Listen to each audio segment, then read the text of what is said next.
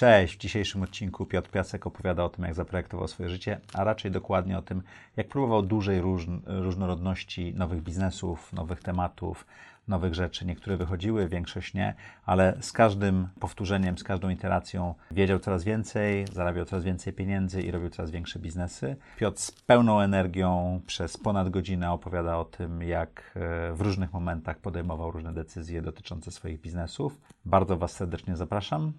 Piotr Piasek, zaprojektuj swoje życie. Zaprojektuj swoje życie. Zapraszam Was do mojej autorskiej audycji Zaprojektuj swoje życie.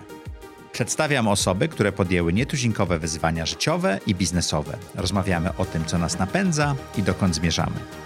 Historie opowiadane przez moich gości zainspirują Was do świadomego i odważnego projektowania swojego życia.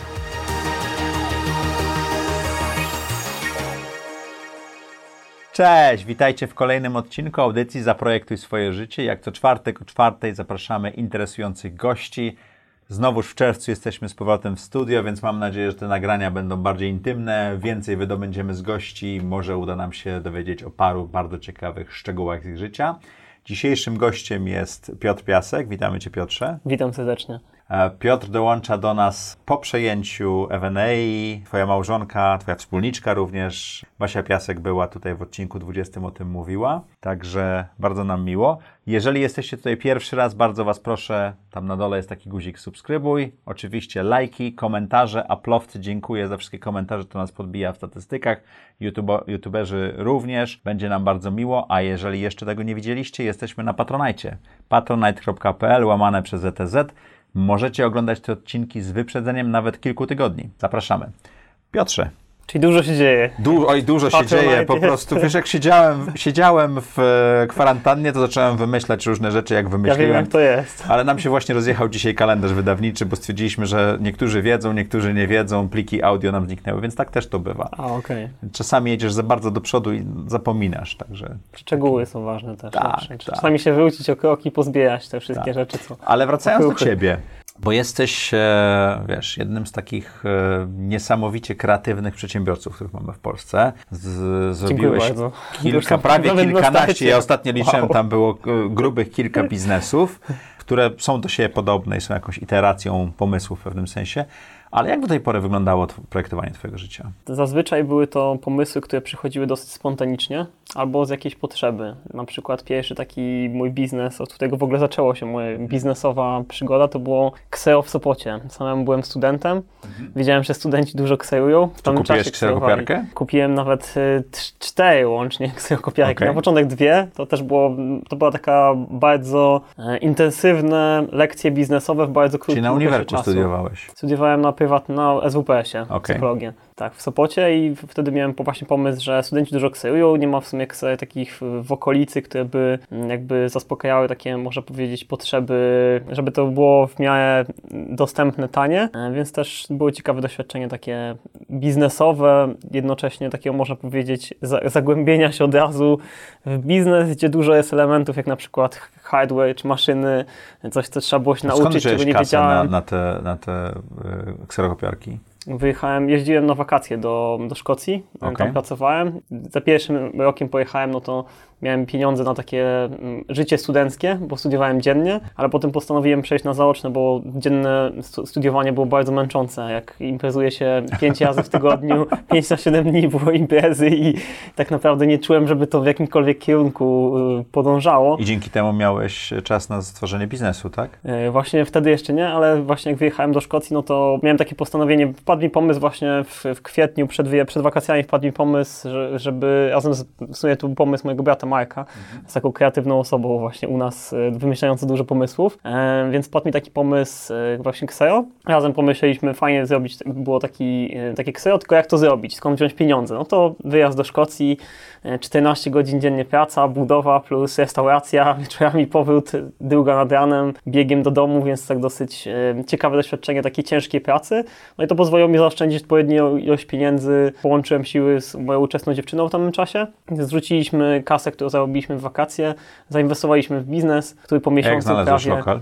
Wyszukałem lokal, który akurat był na terasie mm, poruszania się studentów, Mhm. bo to było kluczowe właśnie, to jest taki punkt, takie miejsce, Tak. mie- miejsce musi być y, kluczowe i akurat jeden lokal był wolny. Można powiedzieć, że tak, jak to, się- jak to się mówi w życiu, że czasami po prostu coś masz i przyciągniesz po prostu pewne rzeczy. Tak ja, ja w to wierzę, że można pewne rzeczy przyciągnąć przez to, że po prostu odpowiednio zaprojektujesz właśnie ten, I jak swoje udał się ten biznes? Ten biznes zamknęliśmy, jak wyjechaliśmy jeszcze raz do Szkocji na kolejne wakacje i postanowiliśmy tam zostać. Będzie pod kątem podszkolenia języka, zdobycia nowych doświadczeń yy, i też... Ale yy, zarabialiście pieniądze?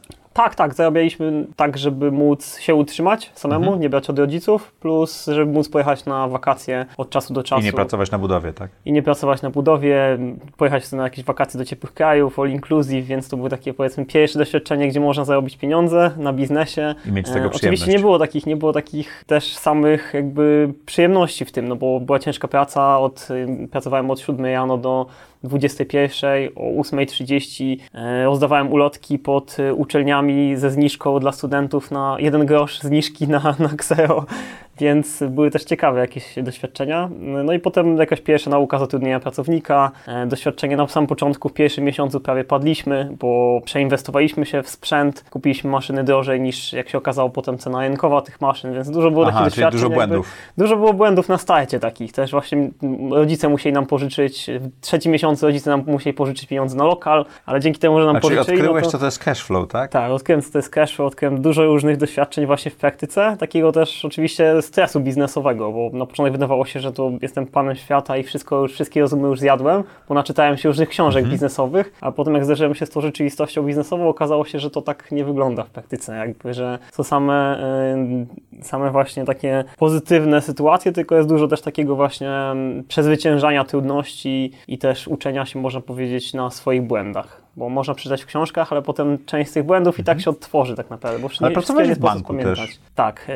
Jak wróciłem ze Szkocji, no to miałem taki epizod, że szukałem pracy. W- Szkocji wiadomo, że trochę inne zarobki były, bo Mhm. przełożenie złotówka do funta, tam pracowałem też w takiej mm, firmie finansowej pod koniec i jak e, wróciłem, no to tak szukałem siebie trochę, nie wiedziałem jak się odnaleźć w tej polskiej rzeczywistości i zacząłem na początek mm, poszukiwanie pracy, jak poszedłem do śmiesznej była się sytuacja, poszedłem do swojej pierwszej takiej, na pierwszą rozmowę taką kwalifikacyjną ogólnie, taką poważniejszą w życiu, bo wcześniej pracowałem w biznesie mojej mamy, trochę jej pomagałem jakby rozkręcać jej y, sklepy medyczne i poszedłem do, na pierwszą rozmowę kwalifikacyjną i pytali mnie o kwotę zarobku, jaką, jaką bym chciał mieć, no to nie chciałem się przestrzelić, więc powiedziałem na niższą krajową, 1300 zł netto. Aha. I mnie nie przyjęli, bo po, popatrzyli na moje CV, tam praca w Szkocji, firma finansowa jakaś. I czemu tak mało pieniędzy, tak? i Coś coś było tak. podejrzane. Powiedzieli mi, że za niskie oczekiwania, bo tak pytam się, ale czemu mnie nie przyjęliśmy? Przy bardzo małą kwotę chciałem. Tak chciałem się nauczyć po prostu. To była praca w HR-ach, no więc takie Okej. coś spójnego właśnie z, ze studiami, które miałem, psychologicznymi, Mm, ale mnie nie przyjęli, więc wtedy stwierdziłem, że muszę chyba czegoś innego poszukać i poszedłem do finansów. Założyliśmy z moim bratem firmę, a potem po roku stwierdziłem, że chciałbym zdobyć trochę doświadczenia właśnie, jak wygląda praca w banku i jak wygląda właśnie taka praca Czyli najpierw założyliście firmę w Polsce, dopiero potem poszedłeś do banku, tak? Na początek jak wróciłem, to było jeszcze ciekawiej, bo poszedłem do pracy do mm, kancelarii finansowej, gdzie sprzedawali inwestycje. Okej. I, był byłeś- 2008 rok. Więc to wszystko wyjaśnia, jak to się skończyło. Poszedłem, zrobiłem kurs, e, dwutygodniowy taki kurs, e, zakończyłem go i dokładnie tego dnia to miałem złapać za słuchawkę i zacząć dzwonić, to ogłosili ten już taki krach, że Lehman Brothers spadło, że wszystko będzie w ogóle, trzeba wszystko zamykać i zawijać po prostu biznes. Więc sobie stwierdziłem, że coś trochę innego trzeba jak robić. Wilku z Wall Street, tak? On też tam poszedł do pracy i, i, I wszystko i, się i był kryzys, tak? podobnie. No, widocznie to był podobny, podobny czas i w każdym razie zakończyło się to w taki sposób, że jak nie można było sprzedawać inwestycji, no to z bratem wpadliśmy na pomysł, to może sprzedawać kredyty, skoro jakby teraz ludzie będą potrzebowali pewnie kredytu, skoro mm, jakby mój brat pracował w banku w tamtym czasie, miał już, miał już sporo doświadczenia właśnie w em, bankowości, więc jakby znał systemy, znał, wiedział jak po prostu działa to, żeby po prostu komuś, jakie banki wybierać, tak samo. e, pod kątem właśnie mm, otrzymania finansowania, więc pomagaliśmy po prostu przedsiębiorcom, którzy na przykład mieli wypowiedzianą linię kredytową, znaleźć Okej. po prostu finansowanie mm, na rynku, bo ciężko było też jakby nawet, mieliśmy tak, na przykład takich przedsiębiorców, co po 15 latach na przykład odnawianej linii cały czas po prostu kończyła się linia. nagle po prostu im powiedzieli, że nie odnowią im i tyle. I trzeba było po prostu im bardzo szybko pomagać, znajdywać, właśnie jeździć, negocjować też właśnie z bankami, bo też wtedy były czasami decyzje na poziomie oddziału, więc można było jakby mm, Czyli wy poszukać. Reprezentowaliście przedsiębiorców do banku. Tak, do banków, dokładnie. I po, A skąd ta wiedza? To twój brat miał ją, tak? Tak, mój brat właśnie miał tą, miał tę wiedzę, gdzie składać, gdzie szukać, jakby i też trzeba było indywidualnie rozmawiać, nawiązywać umowy, więc jakby taki, można powiedzieć, inny trochę, inny trochę czas. Ja wtedy też miałem takie doświadczenie pierwszej sprzedaży, jako taki mm, introwertyk, budujący jakby siebie przez, przez lata właśnie przez rozwój osobisty. Musiałeś Właśnie pójść do takie- ludzi i gadać. Musiałem właśnie mieć takie doświadczenie też, y, czy pójście do ludzi to było jedno, ale też właśnie dzwonienie to było dosyć takie interesujące doświadczenie, gdzie trzeba było po prostu złapać za słuchawkę i właśnie tak w tym, jak powiedziałeś właśnie przykład tego wilka z Rosji, po prostu mieć jakiś skrypt, który się odtwarza i cały czas po prostu przez na przykład 2-3 godziny cały Jak czas po prostu się dzwoni. No było to takie ciężkie wyzwanie, gdzie na początek trzeba było zrobić kilka oddechów i po prostu jechać, no bo też nie mieliśmy wtedy innego pomysłu na zarabianie, trzeba było się już samemu utrzymywać, no bo to już taki, taki wiek był, że, Że już wypadało. wypadałoby.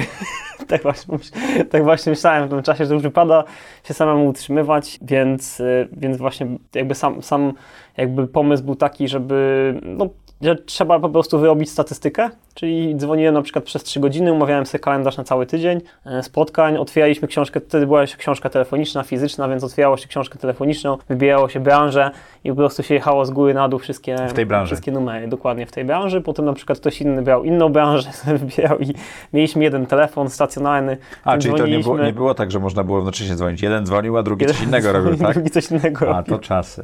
Tak, to było właśnie dlatego też trochę taki komfort teraz można poczuć, właśnie jak się patrzy, jak teraz się robi, versus to, jak się Telefony, komunikatory, dokładnie. wszystko, tak? I wtedy, kiedy trzeba było jeszcze dzwonić na miejscu, nie było tak, że miało się jakąś tam komórkę, ona była strasznie droga, więc y, ograniczało się te minuty dzwonienia gdzieś tam na zewnątrz do Mhm. tylko tych takich pilnych kontaktów, albo jakiś, jak już na przykład było się pod y, firmą klienta i na przykład klienta nie było i na przykład on, wtedy się do niego dzwoniło faktycznie na przykład, żeby się z nim porozmawiać, a też mało osób miało komórki jeszcze. Mhm. W tamtym czasie nie było aż to tak mm, popularne, więc większość było numerów stacjonarnych, dzwoniliśmy do nich też z numeru stacjonarnego, więc trzeba było się zmieniać, jakoś to sobie mm, ten cały dzień mm, poukładać. No skuteczność była całkiem ok, no bo też jeszcze nie było to takie, w tamtym czasie nie, aż tak dużo firm nie dzwoniło, no bo trzeba było mieć produkt w kryzysie, żeby móc go faktycznie Abyście mieli produkt. sprzedać. No my mieliśmy kredyt, coś, co było po prostu potrzebne, czyli po prostu finansowanie. Wtedy zaczęliśmy też jakby zagłębiać się i też odkryliśmy właśnie kolejną firmę, którą założyliśmy, bo jednocześnie wtedy, kiedy poszedłem do pracy do banku, też założyliśmy swoją taką pierwszą, można powiedzieć, poważniejszą firmę, czyli spółkę ZO.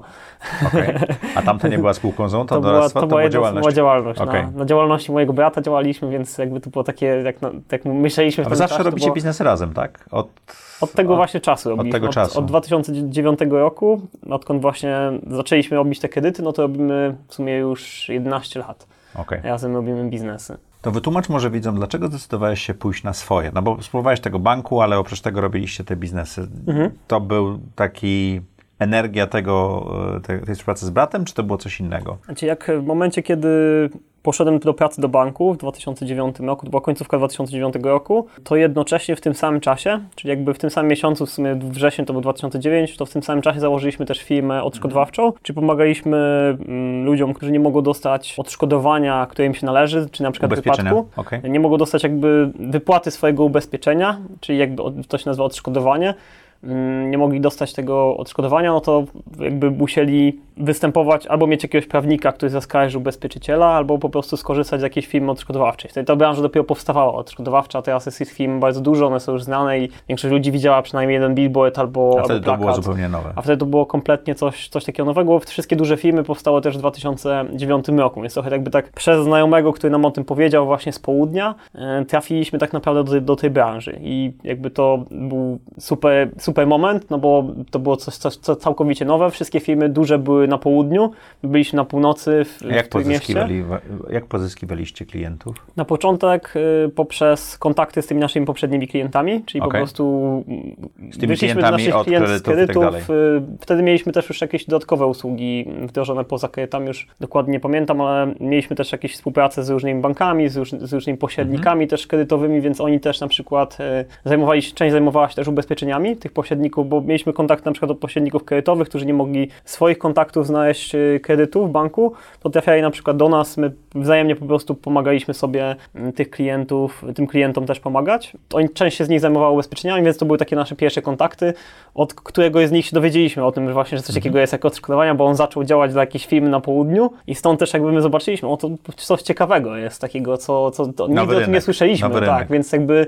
może to będzie coś, co będzie się rozwijać. Jeszcze nawet nie wiedzieliśmy, że taki potencjał tego będzie jakby mm, wzrostu, więc ja równolegle, żeby jakby tak, bo te kredyty już jakby coraz więcej ludzi wróciło do branży kredytowej, no bo już ten kryzys jakby zaczynał wychodzić, no 2009 pod Czyli koniec to było, gęsto. już gęsto się zrobiło, jakby większa ta konkurencja, e, więc już nie było tak łatwo, nie było takiej swobody działania, więc jakby ja jednocześnie zacząłem pracować w banku, no bo ta odszkodowawcza działalność jeszcze nam nie przynosiła dochodów, to był dopiero, dopiero, dopiero pomysł, można powiedzieć startup taki, tylko że w branży e, No tradycyjnego ale wyście nie robili niczego jako startupy, bo nie, nie, nie modelu, nie zbieraliście finansowania i tak dalej, tylko od razu chcieliście zarabiać od pierwszego dnia, prawda? Tak, znaczy no, model był taki, że my zawsze jakby, mm, my nigdy nie znaliśmy takiego modelu właśnie pozyskiwania inwestorów. Czyli to ta, ta niewiedza była źródłem sukcesu w pewnym Ta sensie. niewiedza była, można powiedzieć, takim naszym motywatorem do tego, że trzeba sprzedawać od pierwszego dnia, trzeba się utrzymywać i mój brat jakby za, zajął się tą działalnością właśnie trochę kredytową jeszcze e, cały czas, ale coraz bardziej zaczęliśmy iść w kierunku tych odszkodowań i ja jednocześnie pracując właśnie, zaczynając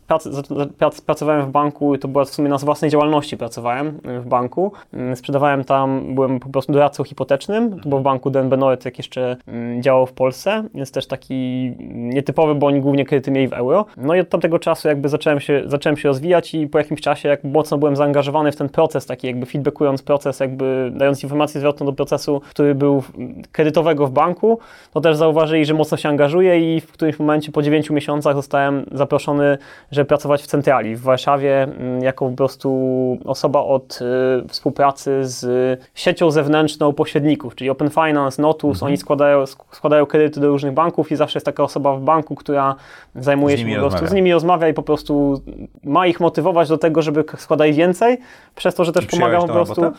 I, i przyjąłem właśnie I taką pracę. przeprowadziłeś się do Warszawy, tak? i podjąłem decyzję, dostałem w piątek dostałem telefon, y, czy nie chcę, mm, bo byłem w Warszawie w czwartek, rozmawiałem właśnie i moja koleżanka, która, z którą też, która opiekowała się z kolei właśnie doradcami mobilnymi, e, zapytała się mnie, czy nie chcę, mm, czy nie chciałbym po prostu przyjść do nich do zespołu. I w piątek dostałem od niej taki telefon już, ja mówię, że no wygląda to ciekawie, spoko, ale tak dla żartu to rzuciłem. I w piątek dostaję telefon od jej dyrektora, się mnie pyta, czy nie chciałbym pracować w Warszawie, taka jest propozycja, tyle, tyle, tyle kasy. Nie była to dla mnie duże pieniądze, bo wtedy była, dobrze zarabiałem jako doradca, miałem już rozkręconą sieć pośredników, ale tak stwierdziłem, w sumie nigdy nie pracowałem w Warszawie, może to była jakaś ciekawa przygoda. Czyli decyzja nie była w ogóle finansowa, ona była bardziej Nie, nie była edukacyjna finansowa. i Bardziej i- edukacyjna i, przygoda. taka przygodowa w sumie. Bo też jakby wiedziałem, że i tak docelowo będę chciał swoją firmę robić. W poniedziałek miałem Dosłownie? wystawić już.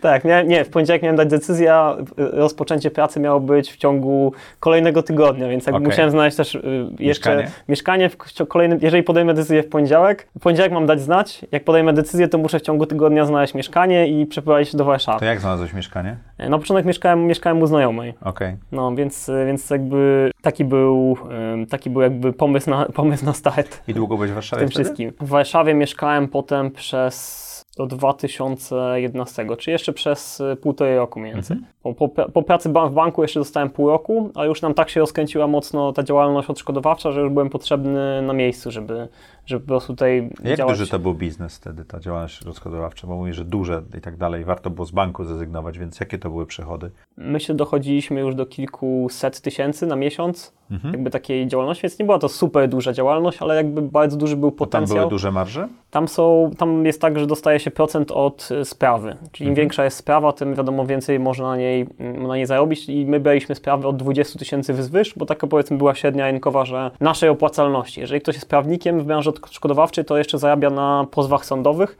My płaciliśmy prawnikom za to, żeby po prostu występowali w naszym imieniu w, w takich I pozwach. oni zarabiali I oni po prostu zarabiali na tym. Tak byliśmy z nimi mówieni, dlatego też nie musieliśmy jakby dużo im płacić po prostu jakiejś Mhm. pensji, czy, czy nie musieliśmy tego jakby brać na siebie ryzyka, jakby mieliśmy kilku zatrudnionych na, na pensji na stałe, bo potrzebowaliśmy mieć jakieś bezpieczeństwo, że nie będzie tak, że oni wolą swoje sprawy Mhm. robić niż nasze, więc mieliśmy też kilku takich, co mogło nam na stałe Znaczy obsłużyć. mieliście ten taki dolny threshold, dolną granicę, po, po, poniżej której nie zajmowaliście się sprawami. To też jest bardzo ważne w biznesie, żeby Tak, nie oczywiście. schylać się po każdy biznes, tak? Jak najbardziej. No, my, nasza zasada była, że oczywiście braliśmy, jeżeli na przykład to była sprawa naszego klienta, który już do nas na przykład kiedyś przyszedł i czyli na przykład dwa lata wcześniej no, miało na przykład sprawę na 20 tysięcy czy tam 40 tysięcy, a teraz na przykład przy, ze sprawą na 5, no to to była zazwyczaj jakaś prosta sprawa, więc też łatwo na przykład można było wystąpić. Też nie braliśmy szkód rzeczowych, więc też jakby mieliśmy kilka takich zasad przyjętych jakby ograniczających które też nasze upraszczały biznes. Tak, które upraszczały po prostu na, nasz biznes i, i, działanie, ale też jakby założenie było takie, że te sprawy się wypłacały po długim czasie, więc też trzeba było bardzo duży wolumen spraw zbierać, yy, też potencjalnych, no bo nie wszystkie sprawy też się kończyły sukcesem. Okay.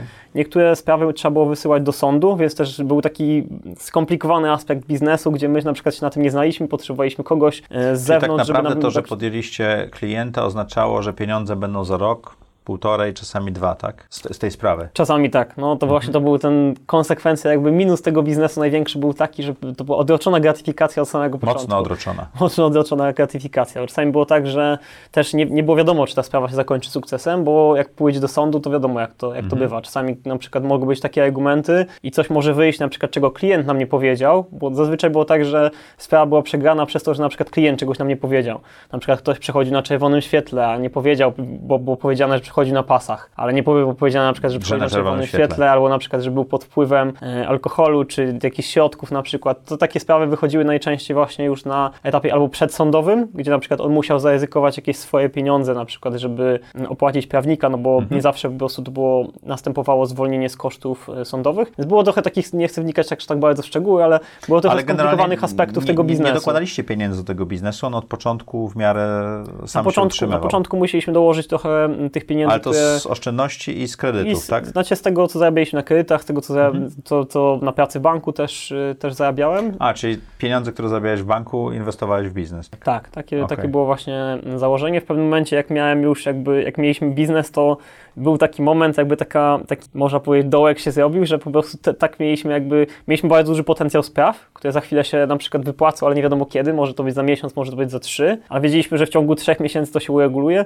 więc jeszcze dodatkowo e, lewarowaliśmy się na przykład kredytem jakimś zewnętrznym mhm. dla siebie, jakimś konsumenckim, do tego, żeby dołożyć do biznesu i wtedy... Czyli ty brałeś kredyt na siebie, jak tak, konsument tak, by wziął na, na zakup właśnie... pralki i wkładałeś to do biznesu, tak? Tak, no bo jeszcze nie byliśmy w stanie, na przykład nie mieliśmy jeszcze rozkręconego na tyle biznesu, żeby jakby móc wziąć kredyt na biznes. A to była spółka ZO, tak? A to była spółka ZO, więc spółki ZO no to są no, dopiero poczekać. finansowane po dwóch latach zazwyczaj w Polsce, więc to był też taki aspekt, że trzeba było zaryzykować trochę, uwierzyć w swój biznes, jakby wierzyć w ten moment, że to jest jakby już za chwilę że za chwilę to będzie zarabiać, że za chwilę to będzie nam płacić, a nie my będziemy musieli dokładać do skąd tego. ta wiara pochodziła? Z takiego, można powiedzieć, wnioskowania z analogii, czyli wiedzieliśmy, że te sprawy nam jakby udają się, że wybieramy fakt, mamy takich prawników, którzy nam dobrą wiedzę dostarczają odnośnie tego, która sprawa faktycznie się, się wypłaci, no bo to, to, nie, to nie jest takie pewne. Nawet sprawa, która pozornie może wydawać się dla lejka jakby taka prosta i, i pewna, to potem kilka niuansów może ją sprawić, że na przykład ona wypłaci za dwa lata, a nie za na przykład trzy miesiące.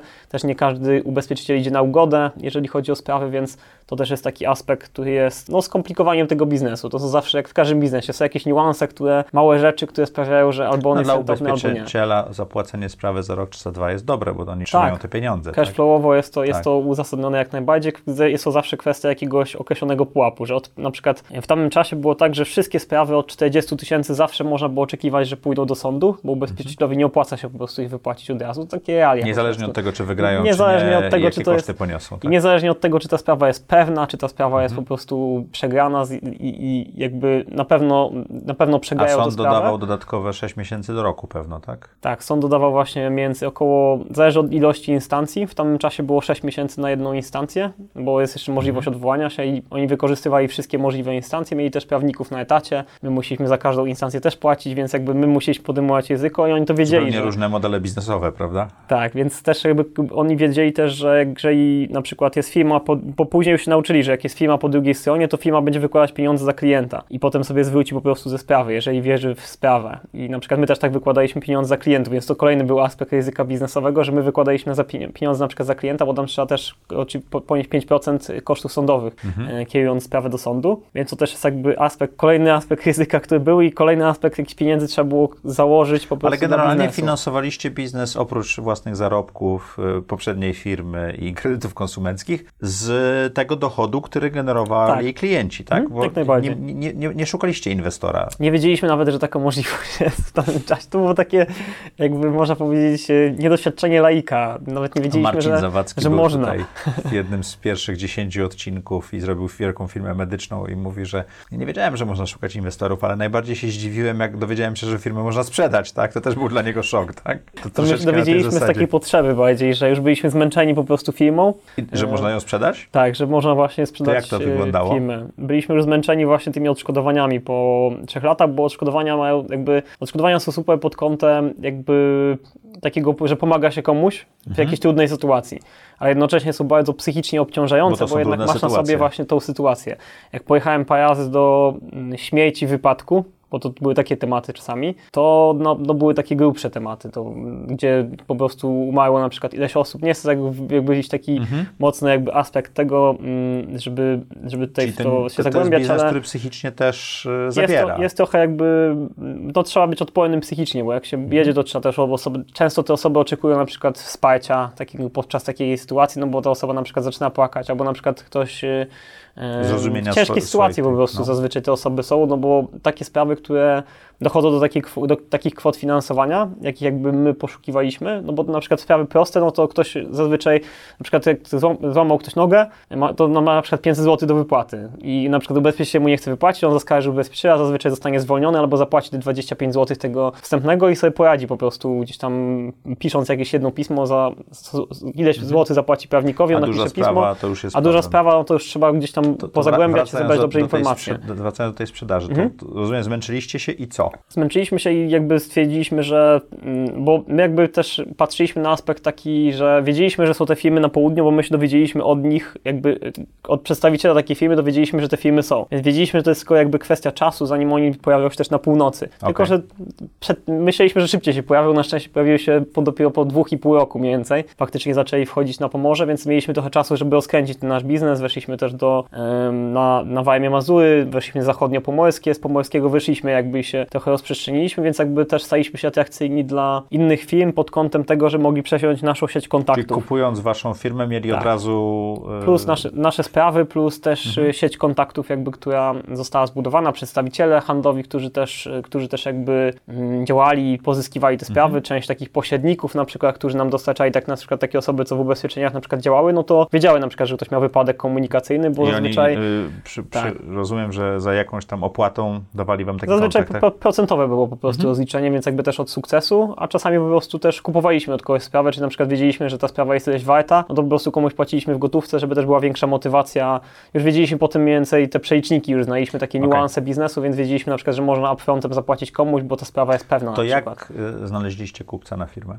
Po, po rozglądaliśmy się po rynku, popatrzyliśmy, kto może być potencjalnie zainteresowany, bo na przykład zaczyna Czyli działać bardziej agresywnie, po prostu zaczyna działać na przykład na rynku, więc potem udało nam się znaleźć taką firmę, która jednocześnie też jakby będzie chciała coś kupić, no bo te duże firmy, Mhm. oni wiedzieli, że też nas przygniotą po prostu, bo już były takie duże, na przykład ktoś miał 5 tysięcy spraw na przykład, albo 10 tysięcy spraw na przykład, my mieliśmy tam zaledwie kilkaset, więc Mhm. byliśmy takim malutkim po prostu graczem, ale jednocześnie byliśmy atrakcyjni na przykład dla kogoś, kto miał 500, albo na przykład kto, kto był akurat od nas, my dogadaliśmy się z taką firmą, która konsolidowała rynek i też to byli mm, prawnicy, którzy jakby zarabiali też na sprawach. A gdzie jest wartość w takiej firmie, jak się sprzedaje? To są te przyszłe sprawy, plus co? Plus Znaczy ta sieć? kilka, kilka jest jakby wartości takich, można powiedzieć, nieoczywistych. Jedno to była ilość spraw i jaki wolumen oni No mogą można, bo procentowy. to można przemnożyć, Można razy przemnożyć prawdopodobieństwo, tak? My braliśmy 20, 15 do 20%, braliśmy, czyli tak bardzo nisko rynkowo. Mhm. Niektóre firmy nawet brały tam do 40, co już było dla nas trochę takim jakby hardcorem w takich Mhm. ciężkich sytuacjach zwłaszcza, że można tyle brać, więc my braliśmy 15-20, więc można było łatwo przeliczyć na przykład taki wolumen spraw, y, i ilość tych spraw i po Prawdopodobieństwo prawdopodobieństwo wygrania zamknięcia. i, i te Tak, 20%. każdy, każdy tak? można przyjąć ten wyzna- współczynnik prawdopodobieństwa.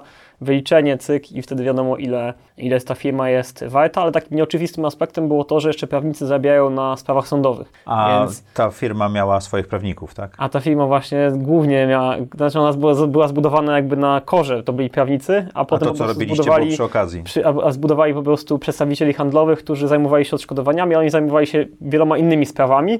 I dla nich po prostu było jakby tak, że będą wrzucali sobie te sprawy, będą posyłali je do sądu i to taki, można powiedzieć, e, fabrycznie mogło to zrobić, a nie tak jak u nas, że to było tak, u nas była manufaktura, a u nich trochę była fabryka. Więc jakby wiedzieli, że mają lepszy system niż my. Mhm. Ale wyście mm, działania. płacili prawnikom zewnętrznym, więc dla nich to był automatyczny przychód, którego wy nie realizowaliście My w nie, firmie. no nie mieliśmy jak, bo nie byliśmy Okej. sami, musielibyśmy sami mieć licencję prawniczą, żeby, Mhm. ja studiowałem kiedyś przez pół roku prawo, ale nie miałem tyle wytrwałości, żeby, że dotrwać, było to za, zbyt takie nudne dla mnie, E, ale jakby oni mieli, widzieli tą dodatkową wartość, która też na początek, jak, zaczę, jak wy, co ciekawe, jak wychodziliśmy na rynek, my tej wartości nie widzieliśmy. Jak zaczęliśmy rozmawiać, to gdzieś wyszło właśnie, że jest jakaś chęć tego kupienia, która jest jakby chęcią zapłacenia więcej niż na przykład inni. I tak, Tak. zaczynaliśmy, ale czemu wy chcecie zapłacić za to więcej? I tak na, niedoświadczeni przedsiębiorcy tak wychodzą i się pytają Okej. kupującego, czemu chcesz zapłacić więcej? E, nie mogę powiedzieć, mamy takiego NDA, który nie... Rząd wielkości możesz powiedzieć? To było blisko, no kilka milionów, to nie była jakaś taka Czyli, kwota... czyli kilka lat Tak. waszych przychodów, nie? No można powiedzieć, że taki jakby przychód y, na najbliższe w ciągu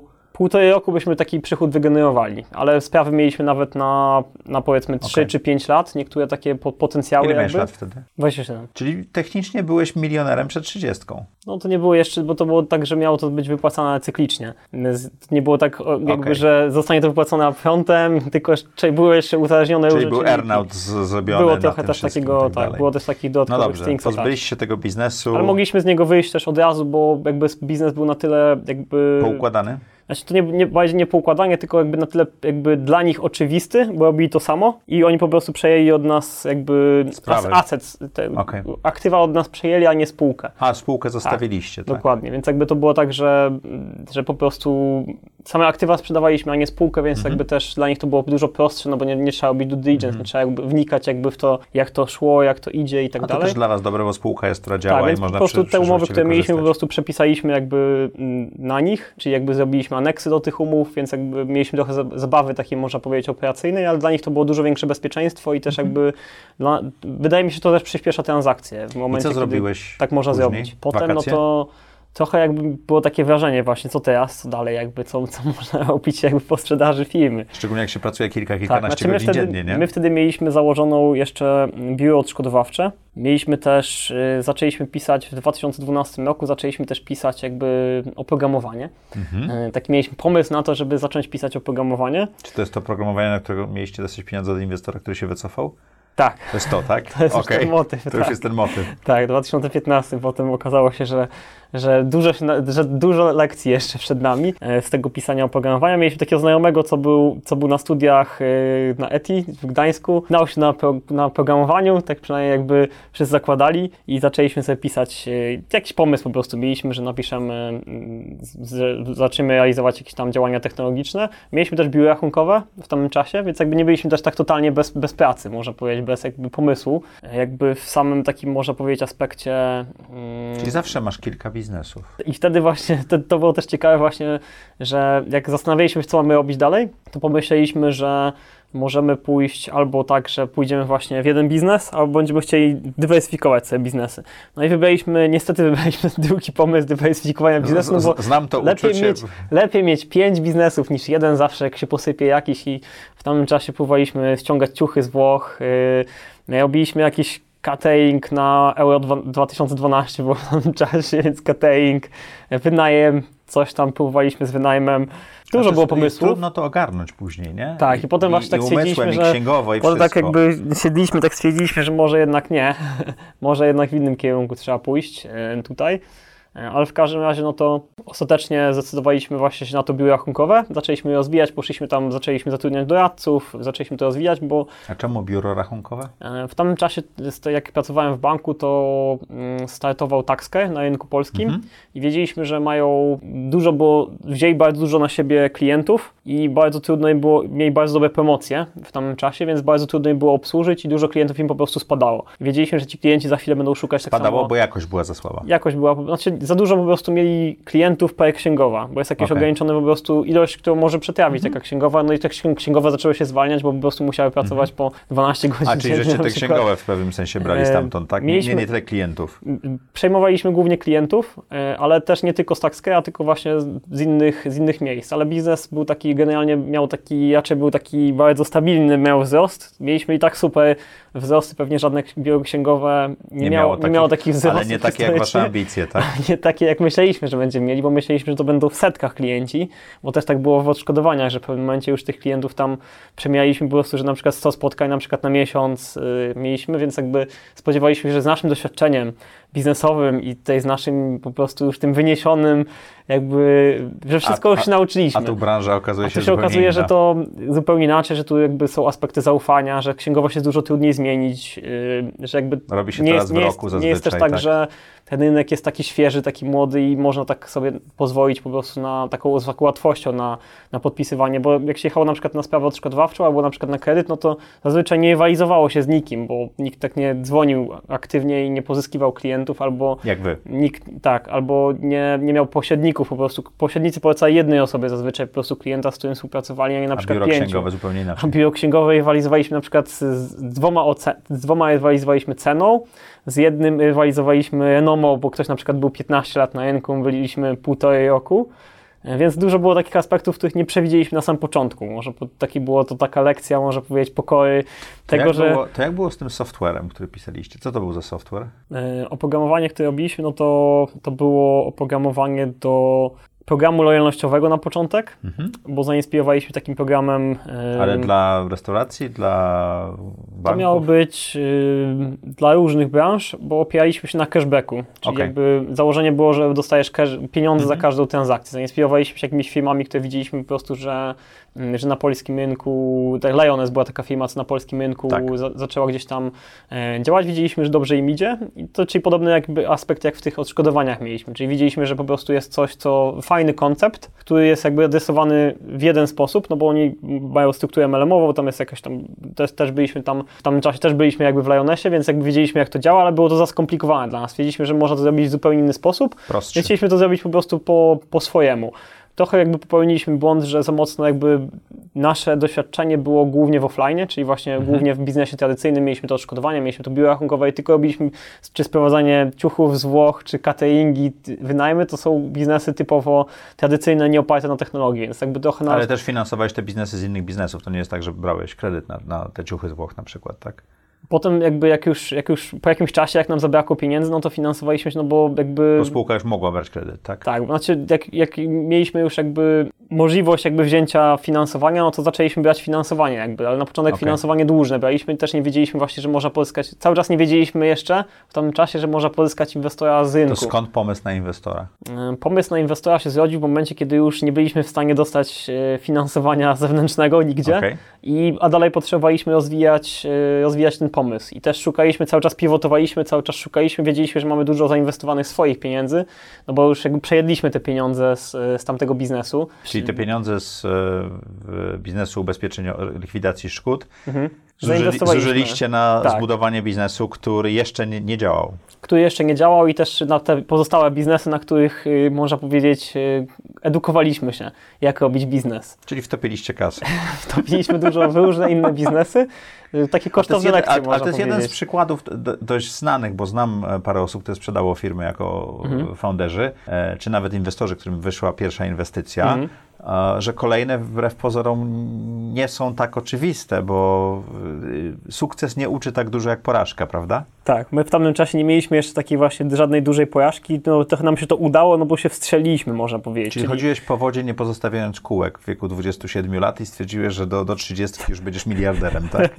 Coś w tym stylu, tak? Tak zakładałem, że to będzie tylko szło do Tak, góry, tak, tak. ale to tak, tak, tak niestety to nie, nie podziałało. Mm, Mieliśmy jakby mm, tak, że szukaliśmy trochę jakby za długo szukaliśmy jakby trochę pomysłu, w jakim kierunku pójść i jakby przejadaliśmy pieniądze, bo gdybyśmy zainwestowali, może cały czas jakby poszli to w technologię i wyedukowali się super, na przykład właśnie w tym biznesie technologicznym, stwierdzili, że to jest to, to pewnie byśmy szybciej mogli wyciągnąć te lekcje i szybciej się jakby nauczyć, jak to robić. Ale Czyli że szukaliśmy różnych biznesów i trochę te, trochę tak, tak, że trochę te biura rachunkowe, w to biura rachunkowe też naprawdę dużo pieniędzy wrzuciliśmy, ale potem jak widzieliśmy w pewnym momencie, że no, zajmie to nam 10 lat, żeby mieć z tego duże pieniądze, no bo zakładaliśmy, że chcemy mieć duże pieniądze. No bo krzywa nie chciała, rozumiem, że krzywa nie chciała krzywa się wykrzywić, czas, tak? Krzywa była cały krzywa czas była świetna, prosta. bo to było nawet 20, 20 klientów miesięcznie potrafiło być, ale wow. jakby cały czas nam te koszty.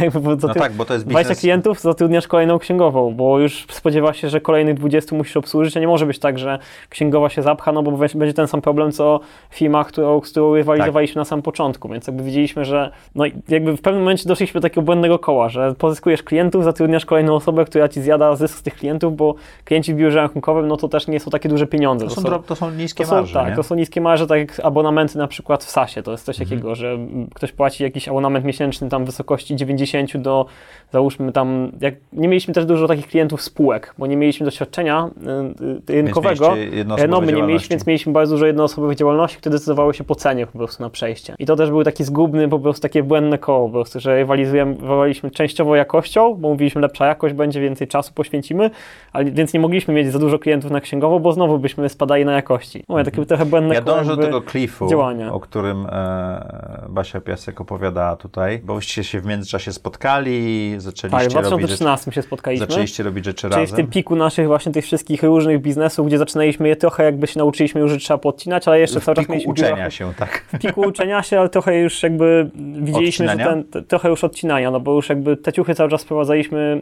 jeszcze, ale już widzieliśmy, że to nie jest dobry biznes, bo mhm. za dużo czasu konsumuje takiego bieżącego, trzeba przez lata budować relacje. Widzieliśmy, że to, bo nasz, nasz wspólnik miał doświadczenie, kiedyś sprowadzał te, te ciuchy, więc widzieliśmy, że to może być dobry biznes, ale już za dużo ludzi w międzyczasie weszło, którzy jakby mhm. mieli jeszcze większe doświadczenie na rynku i jeszcze, doby, jeszcze lepsze relacje, bo tu się liczyło, żeby mieć towar z pierwszej ręki, a nie na przykład z trzeciej, gdzie ileś po drodze bo, jeszcze osób marża, zarabia. Bo marża tak, znika. bo marża znika jakby w tym momencie.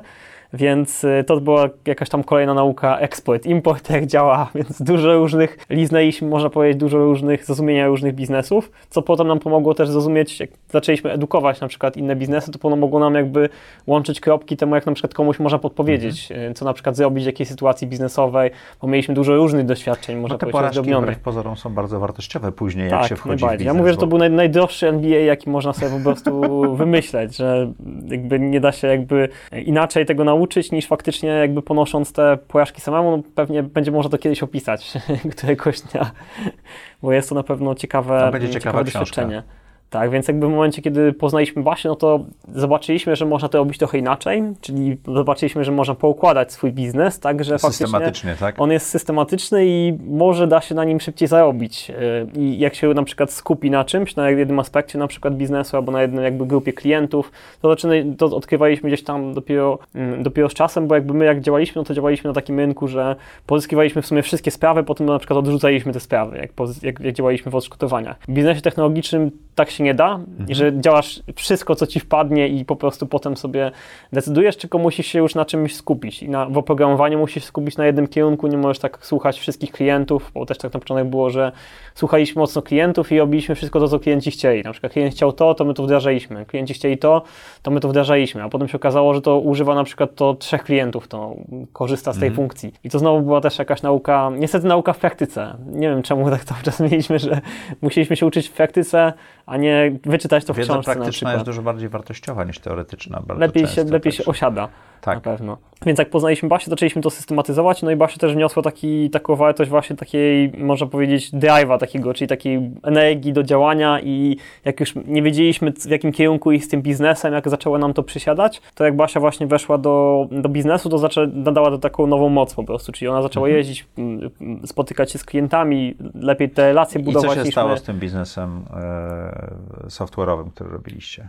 W 2014 pozyskiwaliśmy inwestorów mhm. i cały czas nam to fajnie się rozwijało i mieliśmy super, mieliśmy wzrosty, bo doszliśmy do, mm, pod koniec 2014 doszliśmy do 30 tysięcy klientów, tak można powiedzieć, pozyskując ich, y, no zobaczyliśmy jaki mamy, wiedzieliśmy jaki mamy koszt pozyskania klienta, te wszystkie wskaźniki, zaczęliśmy mhm. sobie, w 2014 już bardzo dużo wiedzieliśmy o tych... Zaczęliście o tych, rozumieć jak działa biznes tak, sasowy, tak? rozumieć jak to działa, to akurat był marketplace, bo okay, marketplace, skupialiśmy się tak. na, na, na, klientach właśnie takich y, indywidualnych, ale też na firmach, bo musieliśmy pozyskiwać firmy. Za długo siedzieliśmy w, y, tradycy- w biznesie tradycyjnym mhm. i w pozyskiwaniu klientów, jeżdżąc do nich bezpośrednio i przekonując ich do tego, żeby wdrożyli te karty nasze, bo wzorowaliśmy się na modelu w tamtym czasie Lionessa, zamiast skupić na tylko i wyłącznie na działaniach y, online'owych i po prostu, żeby to było tańszym biznesem, no bo nie było tego całego kosztu po prostu mm, pozyskiwania tego klienta biznesowego, żeby wdrażać te biznesy, no i skupić się tylko na sklepach e-commerce. To był dużo lepszy model i jak później odkryliśmy takie benchmarki zagraniczne, które robią to dobrze, jak potrzebowaliśmy przygotować do pozyskiwania takich większych inwestorów, czyli już venture capital, to wtedy musieliśmy odrobić takie lekcje, które gdybyśmy odrobili na początku biznesu, dlatego... To by lepiej działał. Tak, dlatego teraz mówię jakby firmom, że najważniejszą lekcją, jaką można jakby odrobić, to jest lekcja rozpoznania konkurencji i benchmarków, czyli jakby jak startup na przykład słyszę, słyszałem na przykład robiąc Wool Summit, że tego nie ma na rynku jeszcze, jak ktoś przychodzi i mówi, że jestem unikatowy to, to zapalać się, tego jeszcze nie ma, to się zapala taka, że okej, okay, ktoś nie odrobił po prostu pracy domowej, bo nawet jeżeli nie ma identycznego, to jest pewnie model w 90% na przykład podobny i na przykład ty adresujesz to troszeczkę inaczej. podobny i zaspokaja już tak. tą potrzebę, tak? Ale zaspokaja potrzebę tego klienta, on nie będzie już szukał dalej mhm. na przykład. Albo musisz dużo więcej wydać pieniędzy, żeby go na przykład wyedukować, że ty masz coś lepszego. I my tak samo właśnie jak wtedy, gdybyśmy odrobili tą lekcję na przykład w 2013 roku, to może by było tak, że nawet nie potrzebowalibyśmy inwestorów po pozyskiwać, bo na przykład um, identyczny model biznesowy w Wielkiej Brytanii, który, który działał, no to od pierwszego roku już był rentowny i to tak kosmicznie rentowny, że mieli um, 30 milionów obrotu przychodu. Wow. I... Ale skupili się tylko na digitalu, tak? Tylko na Ale online. skupili się tylko na online. I byli pierwszą firmą, która jakby zadresowała to potrzebę klientów. I też tam jakby trochę inna jest, y, kultura trochę inna jest tam jakby w Wielkiej Brytanii, jeżeli chodzi o to Jaki problem rozwiązywaliście dokładnie? Rozwiązywaliśmy problem klientów, którzy chcieli kupić coś, y, po prostu znaleźć najlepszą ofertę w internecie. I dostać i dostać jak największe po prostu z tego korzyści. Mhm. Czyli na przykład ten cashback był taką wartością dodaną, która przebijała na przykład kody rabatowe, bo kody rabatowe dawały im rabat, ale my dawaliśmy i rabat i jednocześnie jeszcze cashback. Więc jakby dawaliśmy już maksymalnie możliwą do zdobycia po A prostu co wartość. zyskiwał e-commerce poza ruchem? Zyskiwał to, że nie musiał cen obniżać, tak? Zyskiwał to, że mm, tak, znaczy to, to, że jakby klient jakby mógł być lojalny wobec sklepu, no bo też na przykład mógł mhm. odkryć mhm. dany sklep, no bo to tak wydawanie pieniędzy na, mm, to działało przez afiliację, czyli ktoś musi, mhm. i tak wydaje pieniądze przez afiliację, więc czy, to, czy ten klient będzie dostawał te pieniądze, czy to dostanie ten dostawca, y, który przekierował ruch, na przykład bloger, który y, dostaje od Zalando załóżmy 7%, Oczywiście kickback robili z części e, tak. opłaty afiliacyjnej do klienta. Czyli dostawaliście 7%, hmm. a ileś tam procent oddawaliście Ileś procent oddawaliśmy, dokładnie. Okay. I tak działo, identycznie działał ten model w Wielkiej Brytanii. Też wiedzieliśmy tylko bez przykład, karty, bez, bez ludzi, bez, bez karty, bez tak? biznesów fizycznych. A my chcieliśmy tak od razu się rzuciliśmy na głęboką wodę i za źle po prostu zadresowaliśmy ten, mm, ten rynek, ale z drugiej strony też nie znaliśmy właśnie tych benchmarków, nie wiedzieliśmy jak to po prostu trzeba mm, dobrze robić. Na początku też nie wiedzieliśmy jak ten koszt pozyskania, dopiero tak naprawdę jak pod koniec już jak tego biznesu, w momencie kiedy wchodziliśmy już pozyskanie inwestora takiego dużego, to nauczyliśmy się, jak ten koszt zoptymalizować, te reklamy na Facebooku robić. Podpisaliśmy timesheet z inwestorem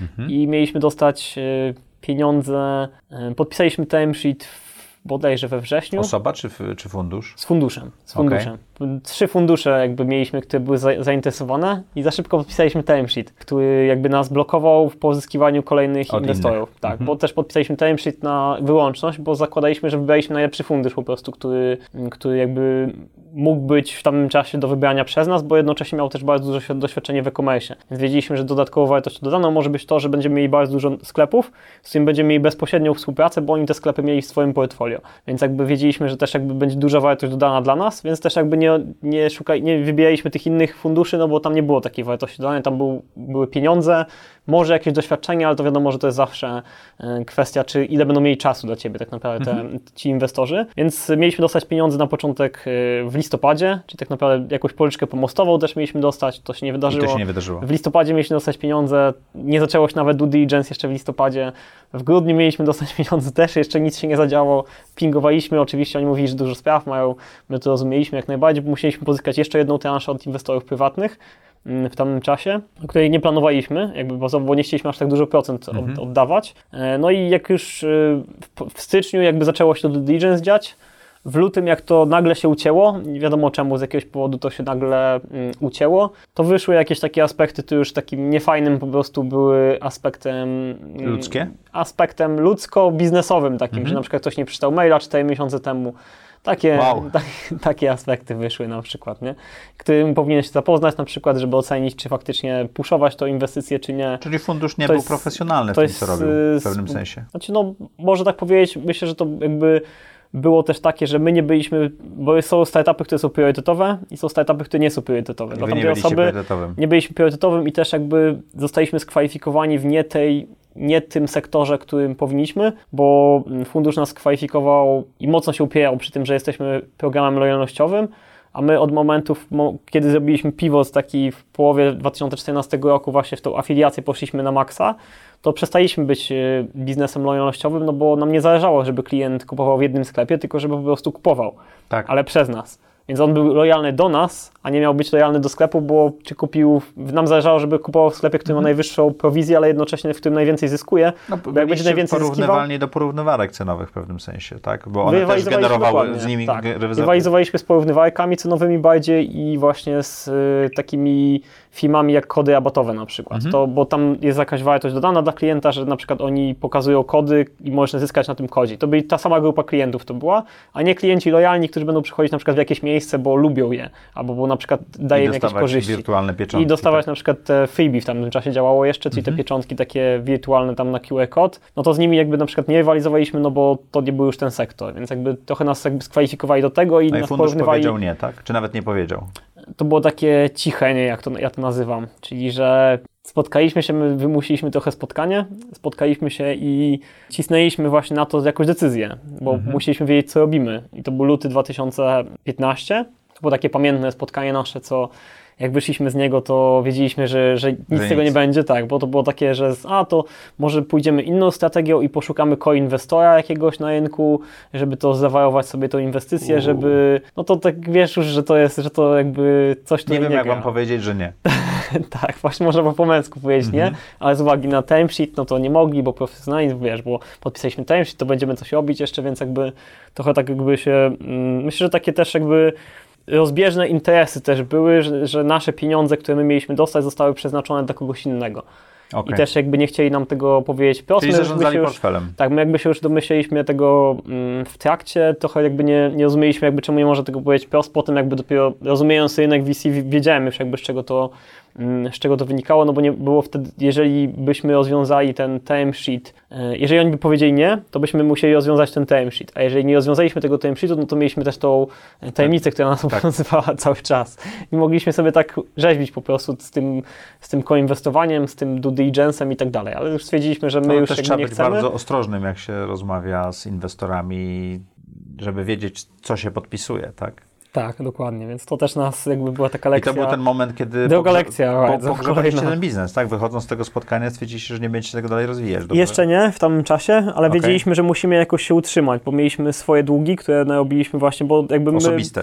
Tak, bo wiedzieliśmy, że wierzyliśmy mocno w ten biznes jakby przez cały czas, od tam 2013 roku dużo pieniędzy na niego cały czas jakby szło, w 2014 do tego się lewarowaliśmy inwestorami, ale to nie było też tak, że my swoich pieniędzy cały czas nie wrzucaliśmy, bo jakby ważnym aspektem jest tutaj to, że my nie braliśmy wynagrodzenia, więc żeby się utrzymywać musieliśmy brać je skądś indziej, a skąd je brać? No nie chcieliśmy brać jakby z tych pieniędzy, no bo stwierdziliśmy, że tak, nie wiem, jakieś takie mieliśmy podejście, taki mindset, jakby to był nasz biznes cały czas, a nie, nawet mieliśmy inwestorów, ale mamy takie podejście zawsze, że jakby nie traktujemy tych pieniędzy, jak, pieniędzy jako Swoje. czyichś pieniędzy, tylko po prostu to są jakby Spółki. pieniądze po prostu spółki, więc jakby też nie chcieliśmy z nich wyciągać, więc jakby finansowaliśmy się, utrzymywaliśmy się tak trochę jakby na, na koszcie po prostu utrzymania, ale braliśmy kredyty po prostu na to, żeby móc, mm, móc się utrzymać. Nie chcieliśmy tych pieniędzy brać, y, z jakiegoś powodu nie chcieliśmy tych pieniędzy brać ze spółki. Mm, Też, też y, staraliśmy się w jakiś sposób jeszcze jakieś konsultacje robić, takie rzeczy po prostu, które mogły nas utrzymywać. Myśleliśmy jeszcze nad jakimiś pomysłami, które mogły finansować cały czas nasz ten, nasz ten startup, żeby nie trzeba było aż tak się rozwadniać i cały czas pozyskiwać tych inwestorów, no bo jednak wyrośliśmy na, na pozyskiwaniu klientów, a nie na pozyskiwaniu inwestorów od samego początku. Więc, więc też mocno byliśmy jakby tutaj zainwestowani w ten biznes, jakby skąd tak się wziął. Wolf Summit? E, mieliśmy, mieliśmy taki pomysł, jak pojechaliśmy na w 2014, czyli kilka miesięcy wcześniej, jak pojechaliśmy na, mm, na Web Summit, e, pozyskać inwestora, bo szukaliśmy inwestorów wszędzie. Właśnie tego VC jeszcze wtedy nie podpisaliśmy. E, mieliśmy, mieliśmy już jakby tego inwestora nagranego. Wiedzieliśmy, że, że jakby mm, to się domknie z nim, ale jednocześnie jeszcze patrzyliśmy na przykład inwestorów na kolejne rundy tak samo, bo już planowaliśmy ten biznes, że to będzie rosło, że to wyjdzie za granicę i już też szukaliśmy pod kolejne rundy tak samo i też chcieliśmy trochę się wyedukować, y, bo było też dużo ciekawych sesji na, mhm. właśnie na, na, na Web Summitie, jeżeli chodzi właśnie o, o to jeszcze, jeszcze, jeszcze był dobry Web Summit. No jeszcze wtedy można było ponetworkować, bo był mniejszy. Tak, tak. tak, jeszcze był mniejszy, więc też dużo było takich ciekawych na przykład momentów, że można było poznać na przykład tych inwestorów Silicon Valley tak samo bezpośrednio, bo na przykład byli w tym samym pubie co, co ty, bo tych miejsc też było dużo mniej. Mhm. Teraz tych miejsc jest tam po tysiąc, na przykład jest tych różnych grupek, jak oni są dzieleni i, i są przypisywani, a w tamtym czasie było tak, że była na przykład grupa inwestorów i na przykład można było wkręcić na tą imprezę yy, i poznać te osoby, więc to też był taki aspekt fajny networkingowy i takiego wyjścia można powiedzieć na świat, zobaczenia co jest możliwe, co, gdzie można dojść, pogadania z innymi founderami, takich dużych, dużych firm w tamtym czasie nie mieliśmy takich, takiego networku zbudowanego mm, nawet na rynku polskim, żeby móc po prostu się kogoś poradzić nawet, co on by zrobił na przykład w naszym miejscu, czy zdobycia zbudowania takich fajnych relacji.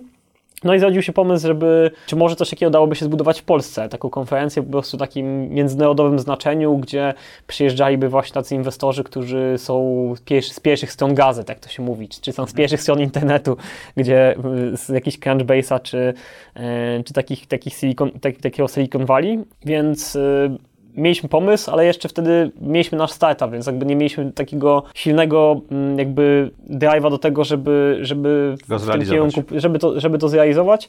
Bardziej myśleliśmy o tym, że to może być na przykład ciekawe miejsce do tego, żeby wiedzieliśmy, że chcemy zorganizować Wolf Summit y, właśnie w 2015 w kwietniu, bo już zarezerwowaliśmy sobie miejsce, datę. Jeszcze wtedy mieliśmy inne miejsce, takie mniejsze, gdzie chcieliśmy ściągnąć po prostu grupę inwestorów, startupów i zbudować taki network, po prostu sobie zbudować w Polsce. I chcieliśmy to zrobić na 200-300 osób osób tak naprawdę. Taką tak, mało, taki, taki meetup po prostu chcieliśmy zorganizować. Tak. No, wymyśliliśmy sobie fajną nazwę, Wool Summit, bo wilki, przedsiębiorcy, zawsze nam się to kojarzyło dobrze właśnie z takimi młode wilki. Jakiś taki film właśnie, że, e, że, że są, są młode wilki, to są przedsiębiorcy, którzy zaczynają, którzy jeszcze nie mają doświadczenia i kojarzyło nam się to fajnie właśnie też e, z wilkami, więc wymyśliliśmy tu nazwę Wolf Summit e, i miało to być mała konferencja, ale wtedy, kiedy wyszliśmy z tego spotkania z tym inwestorem, właśnie w, w lutym 2015, to był chyba 12 lutego, nie wiem dokładnie, ale to było takie znamienne spotkanie, gdzie wychodząc z tego spotkania Szliśmy, to było na rogu Emilii Platę i, i Świętokrzyskiej. Kto z Warszawy ten, ten wie, i szliśmy do Wapianu na Emilii Platę. Tak.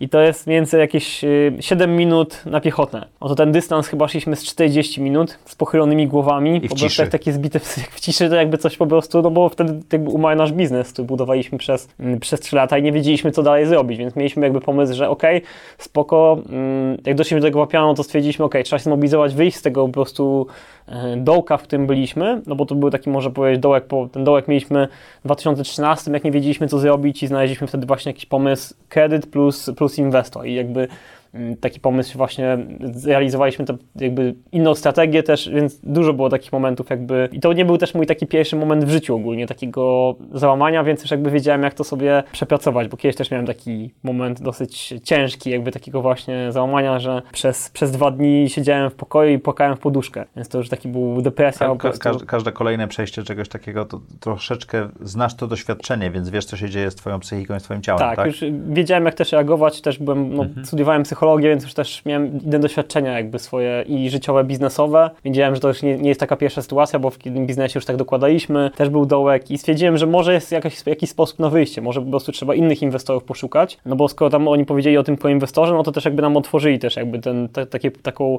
jakby wyjście też taką furtkę, więc jakby stwierdziliśmy, ok, no to zróbmy tego Wolf Summita, pójdziemy all in w tego Wolf Summita, a tego Wolf Summita przyjad, przyjedzie ileś inwestorów i my sobie umówimy z nimi spotkania, więc jakby ściągniemy ich do siebie, więc jakby taki, trochę był taki taki, można powiedzieć, łączony, można powiedzieć, Czyli pomysł. zrobiliście imprezę, która stała się bardzo ważną lokalną imprezę, żeby znaleźć inwestora do startupu poniekąd, tak? Poniekąd tak. Dwa cele były właśnie. Zarobić pieniądze, no bo trzeba było z czegoś mhm. żyć i pomyśleliśmy, robiliśmy w tamtym czasie już konferencję, bo też jakby, żeby się utrzymać, no to zaczęliśmy też robić konferencje z marketingu, bo trochę się nauczyliśmy tego marketingu za granicą właśnie mm, ucząc się od ludzi w Stanach ściągnęliśmy ten, widzieliśmy, że ten know-how fajnie działa w Polsce, bo jeszcze du- dużo ludzi Nie nie, miało go. takiego know-howu i nie wiedzieli, jak, jak, to, jak te, te rzeczy aplikować. Wiedzieliśmy, że, że jakby możemy zarobić na kon- konferencji, wiedzieliśmy, jak to robić, no bo wypływaliśmy tu mar- na Marketing Dayu, w 2014 zrobiliśmy, w 2014 mieliśmy największą konferencję marketingową w Polsce, równolegle robiąc właśnie ten nasz startup, chcąc zarobić po prostu pieniądze na swoją pensję, bo z tego się finansowaliśmy swoją pensję. W 2014 też, w sierpniu 2014 też Sea-Bloggers odpaliliśmy, to był nasz festiwal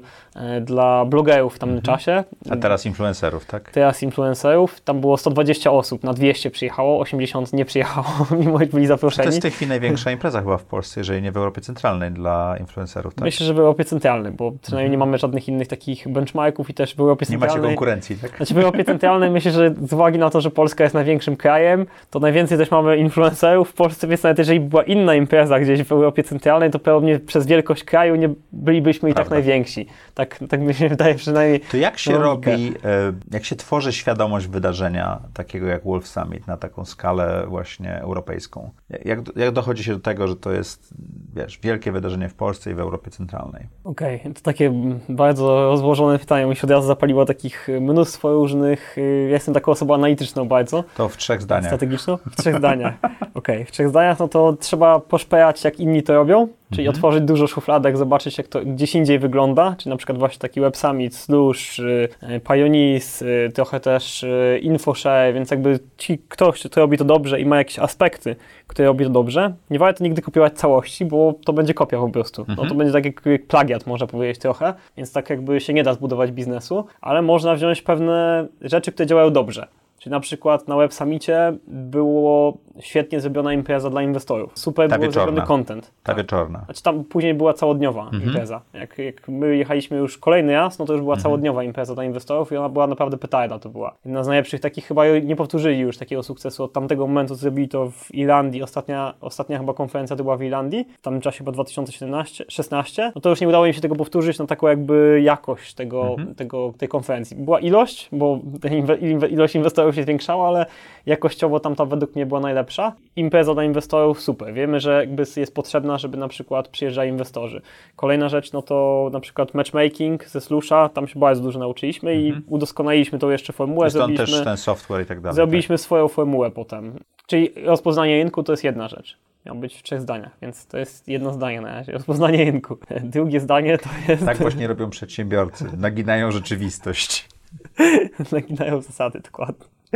Druga taka rzecz najważniejsza jakby w y, robieniu konferencji, no to żeby być najlepszy musisz mieć skalę. Czyli, Czyli od razu robiliście dużą rzecz, tak? my wiedzieliśmy, że żeby Już nie zaznaczyć swoją, wiedzieliśmy, że żeby zaznaczyć swoją obecność i że w ogóle ta konferencja się liczyła, to wiedzieliśmy, że to tak musi jak z Marketing Dayem być, że dopiero nas zauważyli wtedy, kiedy powiedzieliśmy, że jesteśmy number one, bo mieliśmy 400 osób na konferencji na Marketing Dayu w styczniu 2014. Potem zaczęliśmy bardziej, zaangażowaliśmy się w Startup All-In, więc jakby przestaliśmy robić Marketing Day, zrobiliśmy z tego po prostu taką imprezę networkingową znowu tam, za- miało na koszty zarabiać i potem ostatecznie zamknęliśmy i połączyliśmy to z Sea-Bloggers, ale wiedzieliśmy też, że Ulsami od początku musi być duży, więc y, wiedzieliśmy, że musimy zrobić imprezę przynajmniej na tysiąc osób. Najlepsze było, że jak robiliśmy to w parku naukowo-technologicznym, to nam nie uwierzyli, że zrobimy taką imprezę, bo takiej imprezy nie było jeszcze w tamtym czasie. W Polsce był tylko InfoShare i jakby wiedzieli, ile InfoShare dochodził do tego, żeby mieć tyle osób na imprezie. Tam wtedy chyba było 2000 albo 3000, już nie pamiętam ile było właśnie na InfoShare w tamtym czasie. Więc jak my powiedzieliśmy, że zrobimy w pierwszym roku, tak od zera totalnie, po prostu jesteśmy totalnie nieznani na rynku,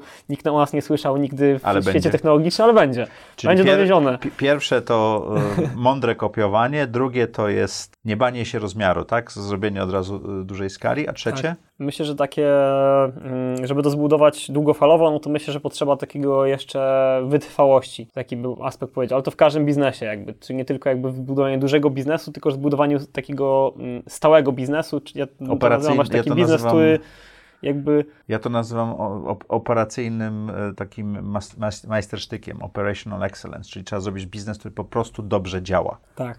I, i koniec. Bo to... Ale potrzeba, właśnie do tego potrzeba wytrwałości, żeby do tego dojść. No i też w Wool Summicie też właśnie trzeba było wytrwałości, iterowania, zmian w różnych, różnych jakby aspektach, dogrywania pewnych małych rzeczy, żeby one zaczęły działać. To ile zarabia się na posiadaniu takiej wielkiej konferencji? No można kilka milionów zarobić w ciągu roku. Okej. Okay. I to pokryło Wam koszty, ale biznes rozumiem zamknęliście ten... E... Znaczy w pewnym momencie widzieliśmy, że jakby straciliśmy to momentu, musieliśmy, bo to też jakby nie było tak, że nie było tych takich, e, znaczy w tym takim złym momencie to to było już bardzo źle, no bo mhm. musieliśmy zwolnić ludzi, musieliśmy, usiedliśmy w tym wapiano, o to nie dokończyłem właśnie tego momentu, usiedliśmy w tym wapiano i w pewnym momencie jakby wiedzieliśmy, że musimy przejść też przez, zrobić sobie Excela, w tym będziemy mieli taką kreskę w pewnym momencie w tym Excelu Jak i nad tą kreską poniżej. będzie mm, ludzie, którzy zostają, a pod nią będą ludzi, których musimy zwolnić, bo to tylko tyle będziemy w stanie po prostu wygenerować, wy, wygenerować pieniędzy i tyle nam zostało na koncie jeszcze, mhm. bo wiedzieliśmy, że nie chcemy takiej sytuacji, że nie będziemy mieli z czego zapłacić na przykład kolejnego miesiąca pensji, no bo mhm. nie chcemy po prostu, możemy jakby mieć sami zaległości jakieś, możemy mieć kredyty, bo sobie je spłacimy, no to jest już nasz problem, jak, to, jak na to zarobimy, ale nie chcemy mieć zaległości wobec y, naszych ludzi, którzy nam ufają, że po prostu już wolimy ich zwolnić, że poszli gdzieś indziej, bo znajdą sobie pracę, niż po prostu komuś nie zapłacić. No bo on liczy, że mu zapłacimy. No tak, bo wtedy ma miesiąc albo dwa sobie... pracy i, nie dostaje tak, pieniędzy. A to jest bardzo przykład, nie fair. Tak, a jest na wypowiedzeniu, wie, że musi szukać pracy już w tej chwili, też im mhm. daliśmy jakieś wolne, żeby mogli na przykład znaleźć tym osobom, co,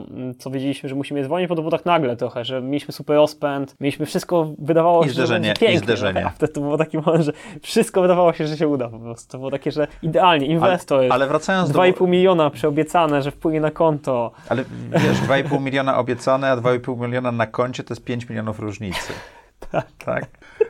Dobre powiedzenie. Tak, 2,5 miliona mieć, a 2,5 miliona nie mieć to jest 5 milionów różnicy. To jest takie strasznie stare powiedzenie. Czyli w pewnym momencie podjęliście decyzję, żeby to ograniczyć. Wolf Summit się super rozwinął na tyle, że, że stał się korem waszego biznesu przez kilka lat, prawda? Tak, I sprzedaliście ten biznes. Tak po jakimś czasie. Dlaczego? Bo też każdy biznes ma swój taki moment, gdzie ty jesteś w stanie dołożyć jakąś wartość dodaną, a w pewnym momencie już jakby ten biznes ma, może mieć większą Ale skalę. Ale to kilka milionów rocznie, to jest kupa pieniędzy. I sprzedaliście taki biznes? Tak jak mówię, każdy biznes ma jakby datę ważności.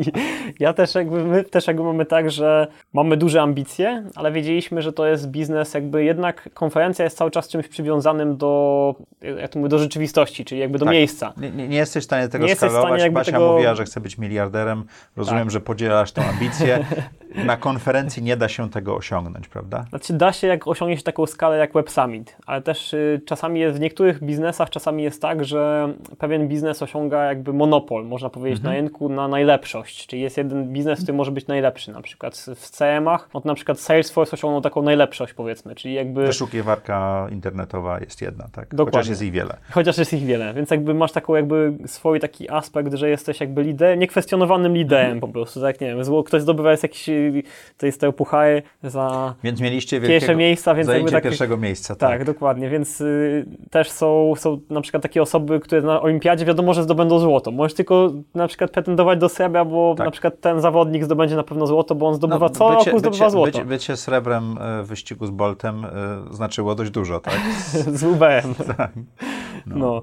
Jak najbardziej, więc jakby my wiedzieliśmy, że chcemy zbudować coś dużego, ale jednocześnie wiedzieliśmy też, że konferencje cały czas nas przywiązują do miejsca, też y, chcieliśmy na przykład mieszkać w Stanach, zobaczcie jak się mieszka na przykład w Stanach, a robiąc konferencję w Polsce, Musisz no to w Polsce. No, wy, wypadałoby, żeby móc, móc się spotkać. Czyli sprzedaliście takie... biznes, ale równocześnie kupiliście inny biznes, zresztą również ode mnie, czyli kupiliście Evenee. Tak, bardzo się cieszymy, właśnie chciałem ale, powiedzieć, ale... że byliśmy przez chwilę nawet tak właśnie, jak, jak, jak tutaj jechałem, tak się skojarzyło właśnie, że byliśmy razem w biznesie przez jakiś czas. Przez moment byliśmy no, razem, tak. Ale, ale bo to nie rozumiem, no bo to, to dalej jest to wokół konferencji, to jest biznes, który pomaga organizować konferencje, jest marketplacem dla konferencji tak, efektywnie. Tak, ale samemu tak? nie organizujesz bezpośrednio konferencji. Czyli zajmujesz się, no ale, ale zajmujecie się szkoleniem tych osób, które robią te eventy i tak dalej, tak? Tak. Mhm. I to jest taki biznes, który jesteście w stanie zeskalować światowo i tak dalej, no bo macie, jest Eventbrite, jest konkurencji jest bardzo dużo w tym zakresie. Tak, znaczy zawsze jest tak, że pewne rzeczy widać na froncie,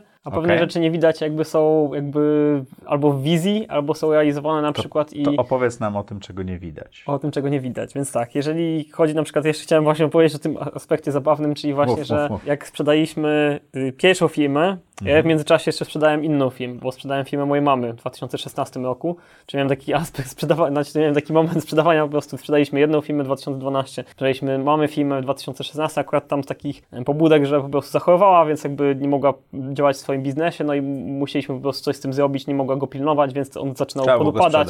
Tak, i pojawił się po prostu problem się jakby zrobił, Mhm. że masz biznes i nikt go nie, nie będzie pilnował, więc on wiadomo, że po prostu po jakimś czasie będzie, no padnie po prostu Mhm. po jakimś czasie, bo trzeba będzie go zamknąć, albo jeszcze dopłacić do zamknięcia, więc udało się go też sprzedać w 2016 i w 2019 sprzedaliśmy ten biznes i tak jakby z jakichś śmiesznych rzeczy tak stwierdziłem, że cały czas jakby jestem w jakimś biznesie, mimo iż jakby sprzedałem jakiś biznes, mógłbym powiedzieć, że się cieszyć, będę teraz jeździć po świecie i na przykład zwiedzać, ale też jakby nigdy mnie to tak nie bawiło, że na przykład podróżowanie mnie nigdy mnie tak aż nie bawiło. Ale to jest ta twoja wielowątkowość trochę, nie? Tak, trochę tak. Biznesowa. Biznesowa, tak. Że lubię różne rzeczy, angażować się też, na przykład jak doradzam różnym ludziom, lubię na przykład komuś na przykład doradzić biznesowo, jak ktoś na przykład przedstawia mi jakiś problem biznesowy, że na przykład ma, jest jakiejś totalnie innej branży, przedstawia jakiś problem biznesowy i na przykład mówi to, to i to na przykład, zastanawiam się na przykład nad tym i nad tym. I na, na przykład z uwagi na to, że nie mam tego doświadczenia, ale potrafię wniknąć bardzo głęboko i zapytać różne rzeczy i jakby wczuć się w tą sytuację i na przykład móc coś y, podpowiedzieć na przykład ze swojego doświadczenia właśnie takiej wielowątkowości tej, tej biznesowej. No i było właśnie tak cały czas, że cały czas w jakimś biznesie byliśmy, więc jakby tutaj, no jak wiedzieliśmy, że chcemy sprzedać Woolsa i z niego wyjść, to też jakby już się przymierzaliśmy do tego, żeby mm, rozmawialiśmy z założycielami F&A, żeby wejść do, do, do biznesu. Czyli równolegle prowadzicie dwa rodzaje rozmów. Tak. Kupię i sprzedam. Dokładnie. Podobnym, Dobrze. podobnym To czasie. jak się znajduje kupca na Wolf Summit? Trzeba dużo maili napisać i też pojeździć trochę i się pospotykać. Okej. Ja myślę, że jak w każdym biznesie, czyli na początek trzeba określić, kto może być kupcem na mój biznes. Czyli I- poszukać targetu? Tak, jakiś określić jakiś target, w ogóle komu to jest, może być potrzebne, no bo Wolf Summit tak naprawdę ma takie aspekty nieoczywiste, czyli na przykład e, w 2016 roku Pionisi, czyli nasza taka konkurencja z, z Wiednia, praktycznie bardzo podobny event, może powiedzieć, że komplementarny, trochę rywalizowaliśmy o uczestników, no bo bardzo blisko siebie jesteśmy też o, o, a, tych uczestników właśnie z, z centralnej i środkowej Europy. Oni założyli fundusz inwestycyjny i jednocześnie mieli konferencję a potem rozszerzyli to o consulting, więc y, widzieliśmy, że taki Wolf Summit, gdzie my mamy w tej chwili tylko konferencję i oni po y, w sumie szóstym roku swojej działalności otworzyli fundusz inwestycyjny, który inwestował w startupy de facto na takim bardzo niskim poziomie, to, bo to było 100 tysięcy euro. Na, na seedzie. Tak, na takim seedzie, czyli 50 do 100 tysięcy euro, czyli taki odpowiednik naszego 100 tysięcy złotych, powiedzmy, tak jeden do jednego, powiedzmy, walutowo patrząc. Więc wiedzieliśmy, że to może być dla kogoś ciekawe, na przykład kto ma fundusz inwestycyjny. Więc jakby jednym targetem były fundusze inwestycyjne, które mają wizję, czyli nie, nie takie fundusze, co są, ja to nazywam y, jednorazowymi funduszami, czyli ktoś y, miał okazję, na przykład kogoś znał i na przykład był, można było stworzyć jakiś fundusz i zainwestowali, ale na przykład nie mają do tego pasji takiej, żeby to robić długofalowo.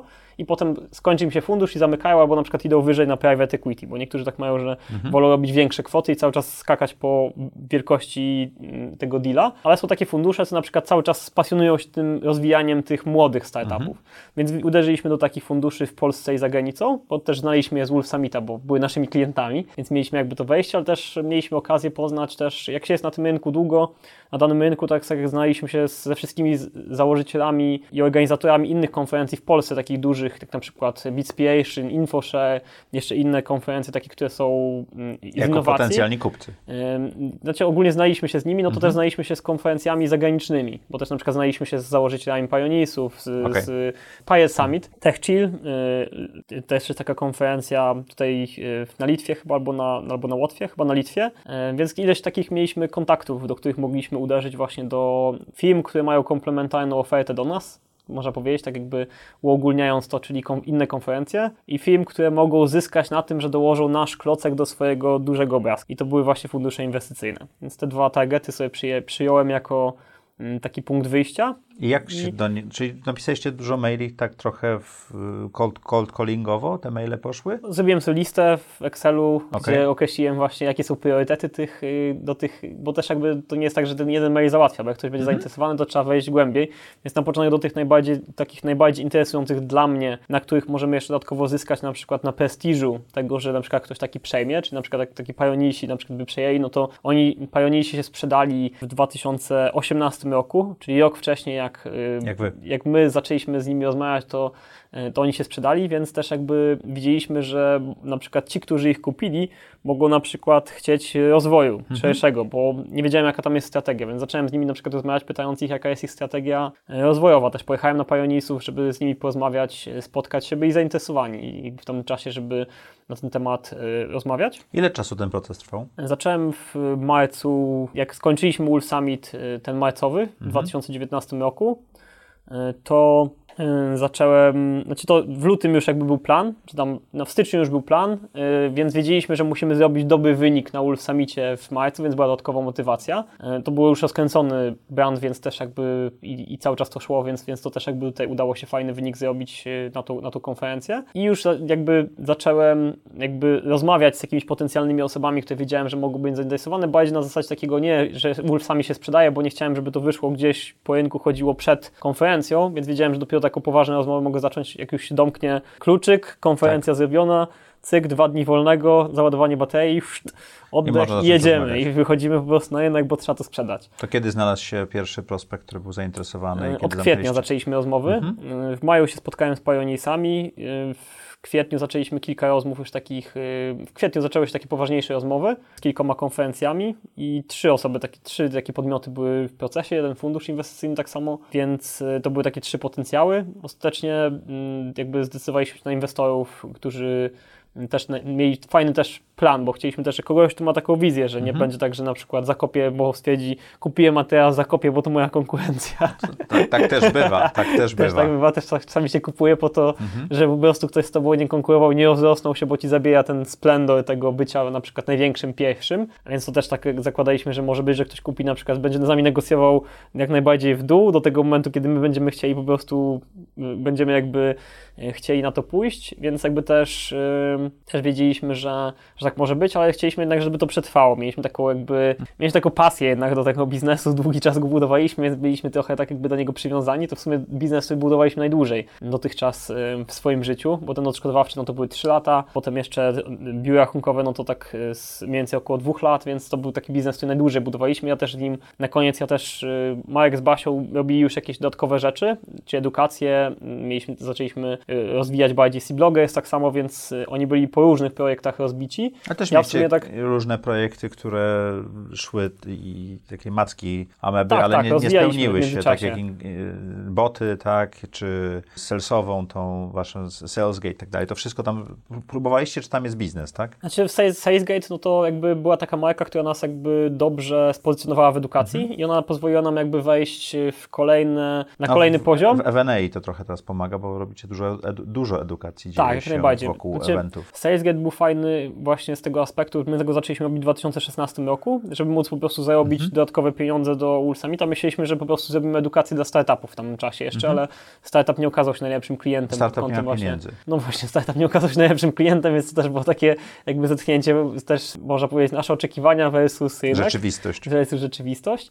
Więc y, stwierdziliśmy, że musimy pójść bardziej w tradycyjny biznes i uczyliśmy po prostu biznesy sprzedaży w tamtym czasie. Potem uczyliśmy, jak zobaczyliśmy, że sprzedaż nam idzie, ale ludzie pytają o więcej, to zaczęliśmy uczyć też, y, jak robić biznes, no bo widzieliśmy, że nam to idzie, że już osiągnęliśmy faktycznie pewne, Bloga jest już fajnie zarabiało, y, Wolf Summit super zarabiał, to zaczęliśmy robić takie mastermindy, gdzie uczyliśmy biznesu, w jaki sposób robić to, co my robiliśmy, czyli jak wdrażać strategię marketingową, sprzedażową, no jak budować procesy w biznesie, bo to jest taki aspekt, co dużo firm nie zdaje sobie sprawy, jak to jest ważne na pewnym poziomie.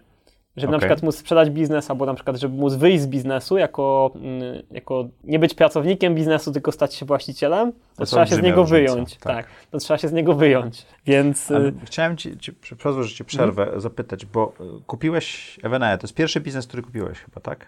Bo wszystkie inne do tej pory budowałeś. Tak. Mhm.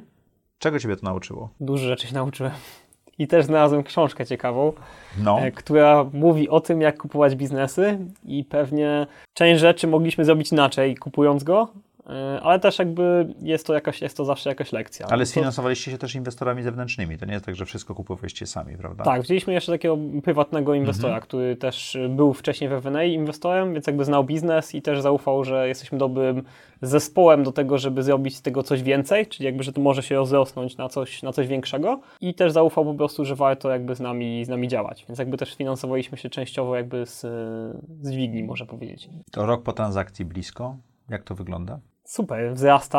Na pewno Okay. jest duży wzrost. Y, Pomimo Zmieniliśmy nawet też trochę model. teraz i Hmm?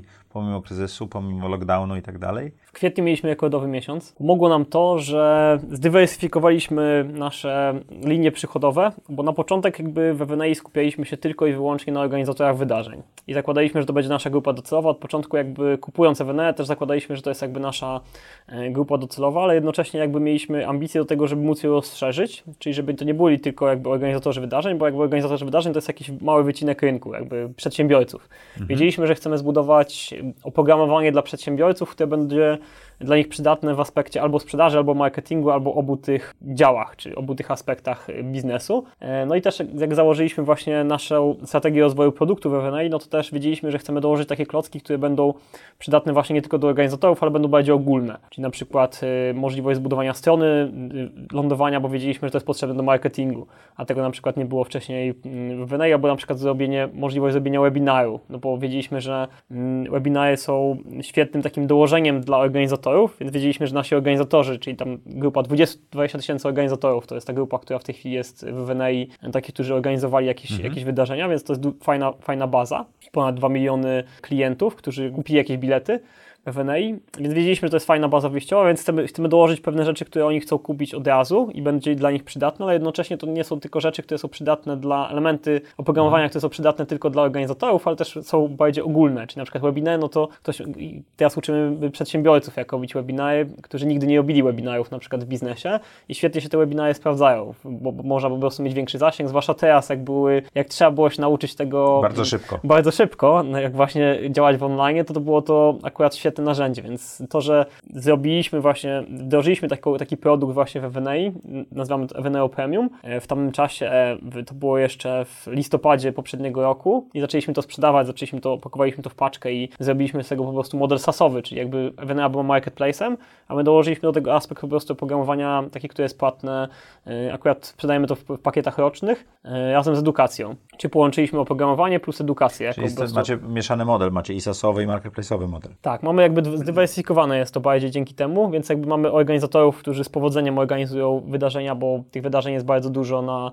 e, na FNA, więc mieliśmy jakby też na przykład w, w momencie, kiedy z, zaczął się, zaczął się ten, lockdown e, i, i koronawirus, no to mieliśmy takie wyzwanie, żeby uratować jak najwięcej, taka misja, uratować jak najwięcej organizatorów, no bo to było ciężkie takie, wiedzieliśmy, że to się nie odblokuje Tym od razu, że to były tak fizyczne teraz. wydarzenia, nie, a Tak, nie fizyczne wydarzenia w większości. Tam online'owych było, można powiedzieć, o jakiś odsetek, może 10%, może 5% organizowanych w formie webinarów, ale większość bezpłatnych. W tamtym czasie a nie nic było tak nie zdigitalizuje ludzkości jak kryzys zdrowotny, tak? Tak, więc jakby bardzo szybko musieli się przestawić. My chcieliśmy jak najbardziej im pomóc, więc jakby też bardzo dużo dołożyliśmy takiej edukacji na froncie, która, która edukowała w jaki sposób zrobić webinar, w jaki sposób y, zrobić wydarzenie online'owe, bo my to robiliśmy, już zaczęliśmy to robić od, od stycznia takie wydarzenia właśnie, gdzie mieliśmy wydarzenia fizyczne, takie, gdzie samemu organizowaliśmy konferencje, tak samo takie małe dla naszych klientów i dołożyliśmy tak samo takie wydarzenia online'owe od stycznia, więc sami wiedzieliśmy, że to, że to działa. Też w Ulsamicie mieliśmy bardzo dobry odzew po naszych webinarach, po jakiejś edukacji, którą dawaliśmy dla, dla rynku.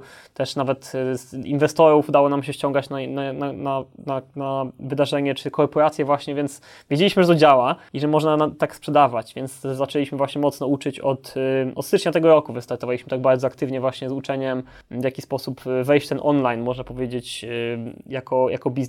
Czyli byliście przygotowani na to, co się wydarzyło w pewnym sensie i, i Nieświadomie to, trochę. Tak, tak, ale mogliście to wykorzystać, tak? Tak, nieświadomie trochę się przygotowaliśmy, bo też jakby wiedzieliśmy, że, że na pewno jest to kierunek, w którym idzie świat, jakby tak docelowo. To jakby wi- wiedzieliśmy, że bardzo dużo edukacji potrzeba, żeby ludzie zrozumieli tą wartość tego webinaru, że, bo my też od początku, jak na przykład w Wolf to też jakby było ciekawe, że w Wolf jak zaczynaliśmy, z uwagi na to, że musieliśmy zrobić w ciągu, my zorganizowaliśmy konferencję na 1300 osób w ciągu dwóch miesięcy, czyli dla, to dla większości osób może wydawać się takim po prostu, jak to się, jak to w ogóle do tego podejść. nawet. Ale, ale jest na to metodologia, tak? Jest, jest, jest to, to sposób, po prostu my nie spotkaliśmy się fizycznie. Ograniczyliśmy w ogóle zero spotkań fizycznych, to było prostu ban totalny na spotkania fizyczne, bo Wewnątrz poje- organizacji. Znaczy, Czy z klientami? Z, z klientami zewnętrznymi. Musieliśmy albo z, do nich dzwonić, albo po prostu dzwaniać się z nimi online. Ja to samo bo, robię w audycji, więc rozumiem to. I na, nagle Tak. jesteś w stanie zrobić dużo więcej. Bo tak. jesteś w stanie dużo więcej zrobić, bo to jakby jak popatrzysz na ten aspekt tych dojazdów, tego spotykania się, na przykład jak ktoś w Warszawie jest przedstawicielem handlowym, to wie jak to wygląda, po prostu pojechanie do klienta. Robisz cztery spotkania w 30 ciągu minut, dnia i 30 jest... minut odstępu między spotkaniem to już ci wypada.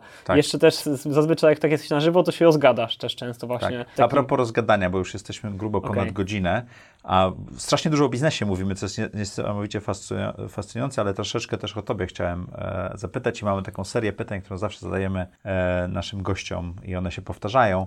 Czy możesz opisać najlepszą decyzję, jaką podjąłeś w swoim życiu? Myślę, że najlepsza decyzja była, żeby wysłać SMS-a do mojej żony przyszłej! i umówić się z nią na randkę. Tak? To była najlepsza decyzja. To, to słuchaj, zadam to pytanie, bo konferencji. Basia w 20 odcinku powiedziała, że bycie wspólnikiem w, w tej samej spółce jest takim wyższym poziomem wtajemniczenia niż bycie w, współmałżonkiem.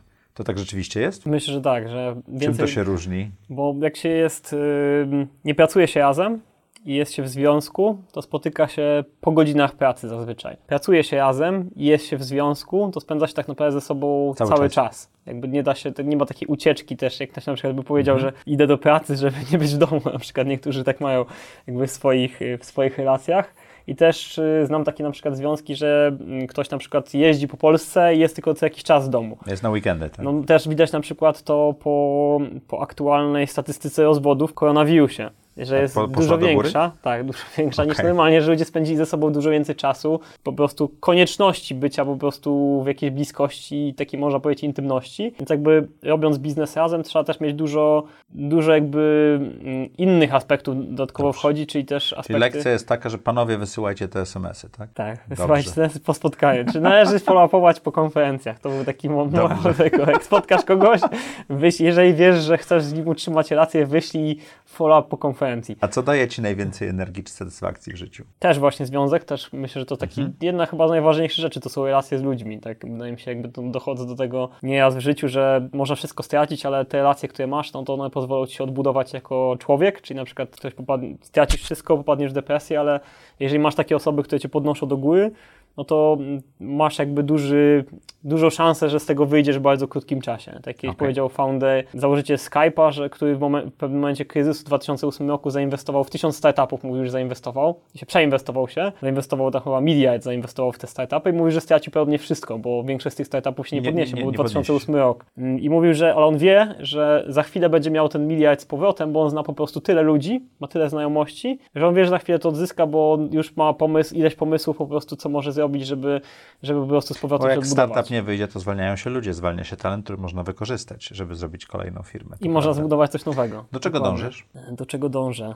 Myślę, że do takiej satysfakcji wewnętrznej, ale to jest taki jakby cały czas Wewnętrznej? wewnętrznej, czyli Co takie daje ci wewnętrzną satysfakcję? Myślę, że robienie fajnych rzeczy Mhm. i żeby cały czas mieć taki entuzjazm, że czuję, że jestem w dobrym miejscu w życiu, więc to jest taki, Entuzjazm powiedzieć, dziecka. Tak? taki entuzjazm dziecka, ale też taki entuzjazm do tego, że chce mi się robić to, co robię, chce mi się wstawać codziennie rano, nie tak, że jestem zmuszony do tego na przykład, żeby Mhm. coś robić, tylko robić to, no, można powiedzieć, tak na własnych warunkach jakby cały czas, ale To jak wygląda twój typowy dzień a propos wstawania rano? wstawanie rano teraz y, wygląda to, u mnie cały czas się to zmienia. Wy się Czyli też- przeprowadzacie do Trójmiasta z powrotem, tak? Tak, przeprowadzam się do tego miasta, żeby mieć trochę świeższe powietrze. Tak, Nie- tak. Basia nie- była tutaj, nie tłumaczyła, nikomu- dlaczego warto nie chcę- przeprowadzić się do nie lubię Warszawy. a hejtować teraz właśnie Warszawy, Nie, nie, bo to nie, Warszawa jestem z- dostaje strasznie po, Jest, po jestem tyłku. z Gdańska, więc ja bardzo chętnie do Trójmiasta bym wrócił, więc to, Tak. to jest tak coś, co, Okej. co w moich e, myślach ciągle jest. Ale wracając, jak wygląda twój typowy dzień? E, Mój typowy dzień w tej chwili wygląda tak, że mm, wstaję rano,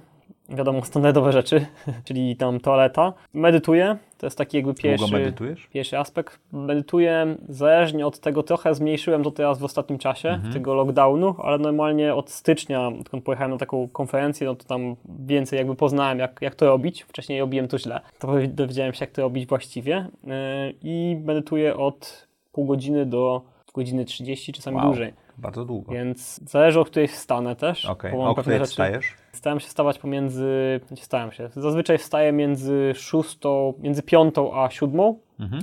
W ostatnim czasie trochę później, bo dłużej siedzę, ale teraz z powrotem chcę wrócić, po tym jakby wstawanie, między, najlepiej mi się wstaje między piątą a szóstą. To jest taki mój Najwięcej idealny... energii masz. Tak, najwięcej, najlepiej się czuję w, tam, w tym czasie, ale czasami jak po prostu za bardzo się mm, pocisnę na przykład wieczorem, czy za długo posiedzę, bo, bo fajnie ile czasami posiedzieć sobie. W tej chwili około od 6 do 8. Okej. To jest taki mój idealny balans. Kiedyś czytałem takie, jak studiowałem psychologię, to dużo książek przeczytałem właśnie takich z badań różnych psychologicznych, tak wyglądają studia psychologiczne, czyta się to już dużo różnych badań innych ludzi, ucząc się jak oni zrobili te badania i żeby móc samemu robić takie badania. To jedne właśnie takie meta badania były, co były prowadzone przez chyba już teraz 80 lat, cały czas są prowadzone, bo to jest takie update'owane co jakiś czas. E, To było właśnie, że najdłużej ży żyły osoby, które mm, spały pomiędzy 7 a 8 godzin. Takie co zapamiętałem, oczywiście są różne takie lifehacki, które poznałem na przykład w ostatnim czasie, jak można to skrócić. Na przykład medytacja skraca sen, na przykład taki zdrowy sen, że można mieć po prostu Bo część tego... szybciej wchodzimy część w głębszy. Tego, tak. Szybciej wchodzimy, bo ten głębszy sen jest najbardziej taki, który Tak. się liczy, czyli ten sen głęboki jakby nas faktycznie jest snem, a reszta to jest To po co prostu robisz takie po medytacji? śnienie. Po medytacji y, robię rozciąganie, Mhm. zazwyczaj jakieś ćwiczenia. Też y, wracam do przygotowań do Ironmana. Po poprzednim roku trochę zdrowie mnie rozjechało przez za dużo różnych działań biznesowych, trochę No biznes też, energię, zaufanie, zbytnie zaufanie lekarzy, antybiotyki, jakieś Mhm. takie aspekty właśnie, które, o których nie wiedziałem, że negatywnie zadziałały, aż tak negatywnie zadziałały, bo zawsze byłem zdrowy przez całe życie, więc jakby się tym nie przejmowałem. Więc ja sobie rozciąganie, e, robię ćwiczenia zazwyczaj około 30 minut, jak mam mało czasu, jak późno wstanę, albo jak za długo, jak mam za Czyli dużo jak rzeczy. obudzisz się o w czasie 6, dnia. to do 8 nie dotknąłeś nic biznesowego. W ogóle nic nie dotykam do zazwyczaj do 8.30 albo 9.00. Niezależnie o której stanę. Jak stanę o 4, to też nic nie dotykam biznesowego. Czyli jak stanę o 4, to czasami zaczynam pracować się- o 8. Skupiasz się na sobie, tak? Na sobie. Więc jak wstanę na przykład, jak wstanę na przykład szybciej, no to właśnie robię do dłuższą medytację, na przykład półtora godziny, więc już jest 5.30. Wtedy mam ćwiczenia, to znowu godzina. I E, pracujesz, zaczynasz pracę w domu, czy jedziesz do biura, czy jak to wygląda? Abstrahuję od, e, Od aktualnej od, od aktualnej sytuacji. Zazwyczaj około 8.30 był wyjazd do biura, Mhm. albo wyjście, no bo teraz mieliśmy bardzo blisko biuro, w sumie 100 metrów mieliśmy do biura w tej chwili, tak sobie ułożyliśmy Ojej, w Warszawie pobiłeś. Ja, działanie. ja mam 782 kroki, a ty mnie pobiłeś, że to 100 metrów to No jest mamy jednak tak, że widzieliśmy z okna Biuro. swoje biuro, więc Okej. już bliżej się nie dało. Moglibyśmy tylko mieszkać w tym samym budynku jeszcze i jeździć windą, ale to już tam, tam No w kapciach to już jest przesada. Tak, w kapciach to jest przesada, więc stwierdziliśmy, że chociaż tak wiesz, musisz się ubrać, bo tak to w kapciach by cię rozleniwiało. A tak to musisz się chociaż ubrać, żeby wyjść, z jakimiś ludźmi możesz się spotkać po drodze, więc zazwyczaj nie dotykam i jeżeli dostaję więcej czasu, to zazwyczaj coś czytam, albo na przykład Ale planuję czy ty coś. masz dla siebie ten czas odłożony, to jest twój czas rano. Tak. Znaczy Okej. staram się, znaczy na pewno już teraz nie pozwoliłbym sobie na to, żeby jak zaśpię faktycznie na przykład i gdzieś podróżowałem, te podróże często zmieniają jakiś tam typ, bo na przykład jak jeździliśmy między, dlatego też na przykład przeprowadziliśmy się teraz do Warszawy, od kilku miesięcy mieszkamy w Warszawie, ale znowu wracamy do tego miasta, bo jednak Warszawa to nie było to. E, Jak mieszkaliśmy w Gdyni i w Warszawie naraz, to jeździliśmy co tydzień albo co dwa tygodnie, to było strasznie męczące i to na przykład to mega rozjeżdżało nam, nam plan dnia, bo czasami jechaliśmy bardzo późno, na przykład wyjeżdżaliśmy o 20, no to 24 na przykład byliśmy dopiero No to w już nie Warszawie. śpisz tak dobrze. No to już wtedy ten sen był taki rozjechany, już nie dało się na przykład stać o 6, no bo trzeba się wyspać, Mhm. więc jakby I ile czasu pracujesz? mm, zazwyczaj pracuję do końca dnia, Koniec dnia jest bardzo... wtedy kiedy idę spać, czyli to jest około 20.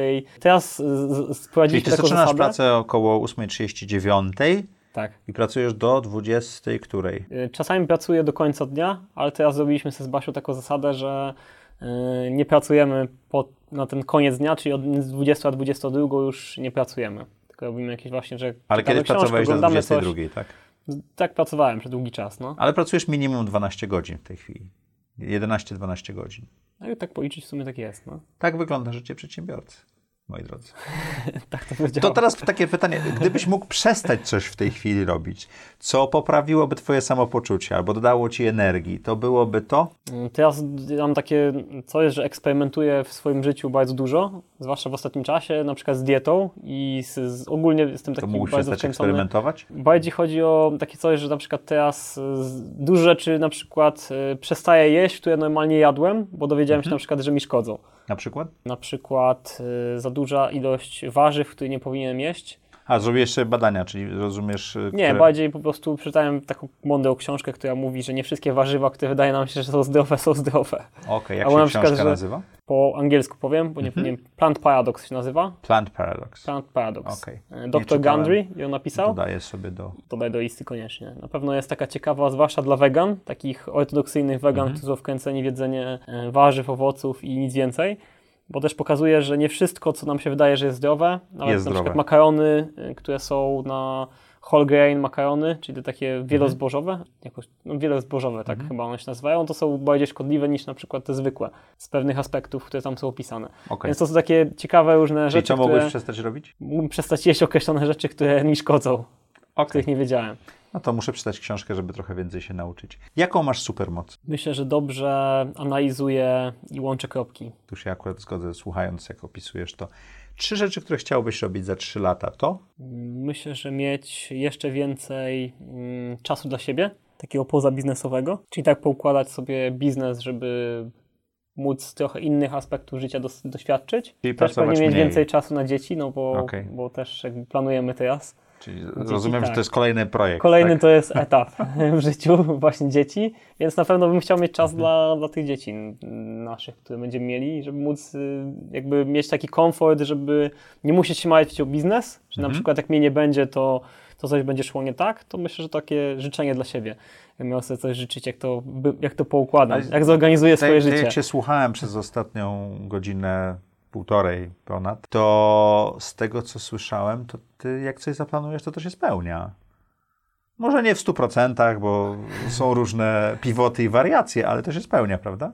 Jeżeli tak, tak, jeżeli można tak powiem, chciałbym, żeby tak było, jak tak Dobrze. mówić, to mój analityczny um- umysł mówi nie, ale z chęcią powiem, że tak, bo Dobrze. to będzie dobra Piotrze, co motywacja. chciałbyś, żeby słuchacze i widzowie audycji Zaprojektuj swoje życie zapamiętali z tej rozmowy? Więc y, jeżeli miałbym powiedzieć, co, co chciałbym, żebyś zapamiętał, czy żebyście zapamiętali, e, to na pewno mm, to, że jeżeli macie jakieś pomysły biznesowe i chcecie robić coś swojego, no to warto. Nawet jeżeli to na początek nie będzie łatwe i, i, i nie będzie tak, jak sobie zaplanowaliśmy, że i tak sobie wyobrażaliśmy, że biznes będzie wyglądał, bo dużo trzeba się nauczyć, warto też się posiłkować y, pomocą innych mądrych ludzi. Tak jak na przykład tutaj Maciek daje bardzo dużo wartość i zaprasza ciekawych gości, Dziękuję. którzy. y, ja też chciałem właśnie powiedzieć ze swojej strony, bo nie wiem, jakby. Czy będą jeszcze pytania kolejne, więc chciałem powiedzieć, że czuję się zaszczycony właśnie, że w takim doborowym gronie wśród takich ludzi, co naprawdę zrobili mega biznes i na przykład super mają to życie e, to że zostałem zaproszony właśnie jako jeden e, z gości ciekawą takiego znamienitego podcastu e, Dziękuję. audycji tutaj, e, jeżeli chodzi o, o moją skromną osobę. Myślę, że to jest, to jest to chyba, że właśnie jeżeli chcesz robić biznes, to go rób. Nie będzie to łatwe, ale też można się uczyć od innych ludzi, używać tej dźwigni. No teraz, teraz ta edukacja, jak ja zaczynałem, to tak dużo tej edukacji nie było. Nie było YouTube'a, tyle po prostu było tych y, rzeczy. Nie było wiadomo, nie było książek tyle przetłumaczonych z angielskiego na polski, więc trzeba było czytać je w oryginale, a ten język nie zawsze przychodzi z taką łatwością do, od pewnego momentu dopiero, więc y, myślę, że można mieć dużo szybszy start też. Jakby można użyć dźwigni innych ludzi, którzy teleportują się na przykład swoim networkiem, czy tacy właśnie nawet pozyskanie takiego e, inwestora, czy takiego mentora w, w życiu, no to jak, jak słucham też takich ludzi, którzy na przykład szybciej zrobili pewne rzeczy niż ja w życiu, no to myślę, że to jest też taka nauka, którą ja bardzo to? późno. Hmm? Stresuje cię to, że ktoś inny zrobił to szybciej? E, Myślę, że nie. Znaczy rywalizacyjnie tak, bo też mam taką Okej. rywalizującą naturę, ale jakby w aspekcie takim jakby tego, że czasu się nie da cofnąć, ja też w życiu mam taką zasadę, że niczego nie żałuję, bo wiem, że wszystko jest po coś, a ja po prostu czasami nie wiem jeszcze po coś to jest, ale z perspektywy czasu, jak ktoś mówi, wykres można czytać tylko wstecz i zawsze każdy jest Okej. mądry, mądry wstecz, więc y, ja też się nie staram się patrzeć, nie staram się oceniać swojej przyszłości, tylko patrzeć, co mogę zrealizować po prostu swoim czasem, jakie jest najlepsze wykorzystanie mojego Dziękuję czasu. Ci ślicznie. Dziękuję Wam. I jak co Dziękuję czwartek o czwartej zapraszam Was do audycji Zaprojektuj swoje życie, gdzie ciekawi ludzie, tacy jak Piotr, opowiadają o tym, jak projektują swoje życie.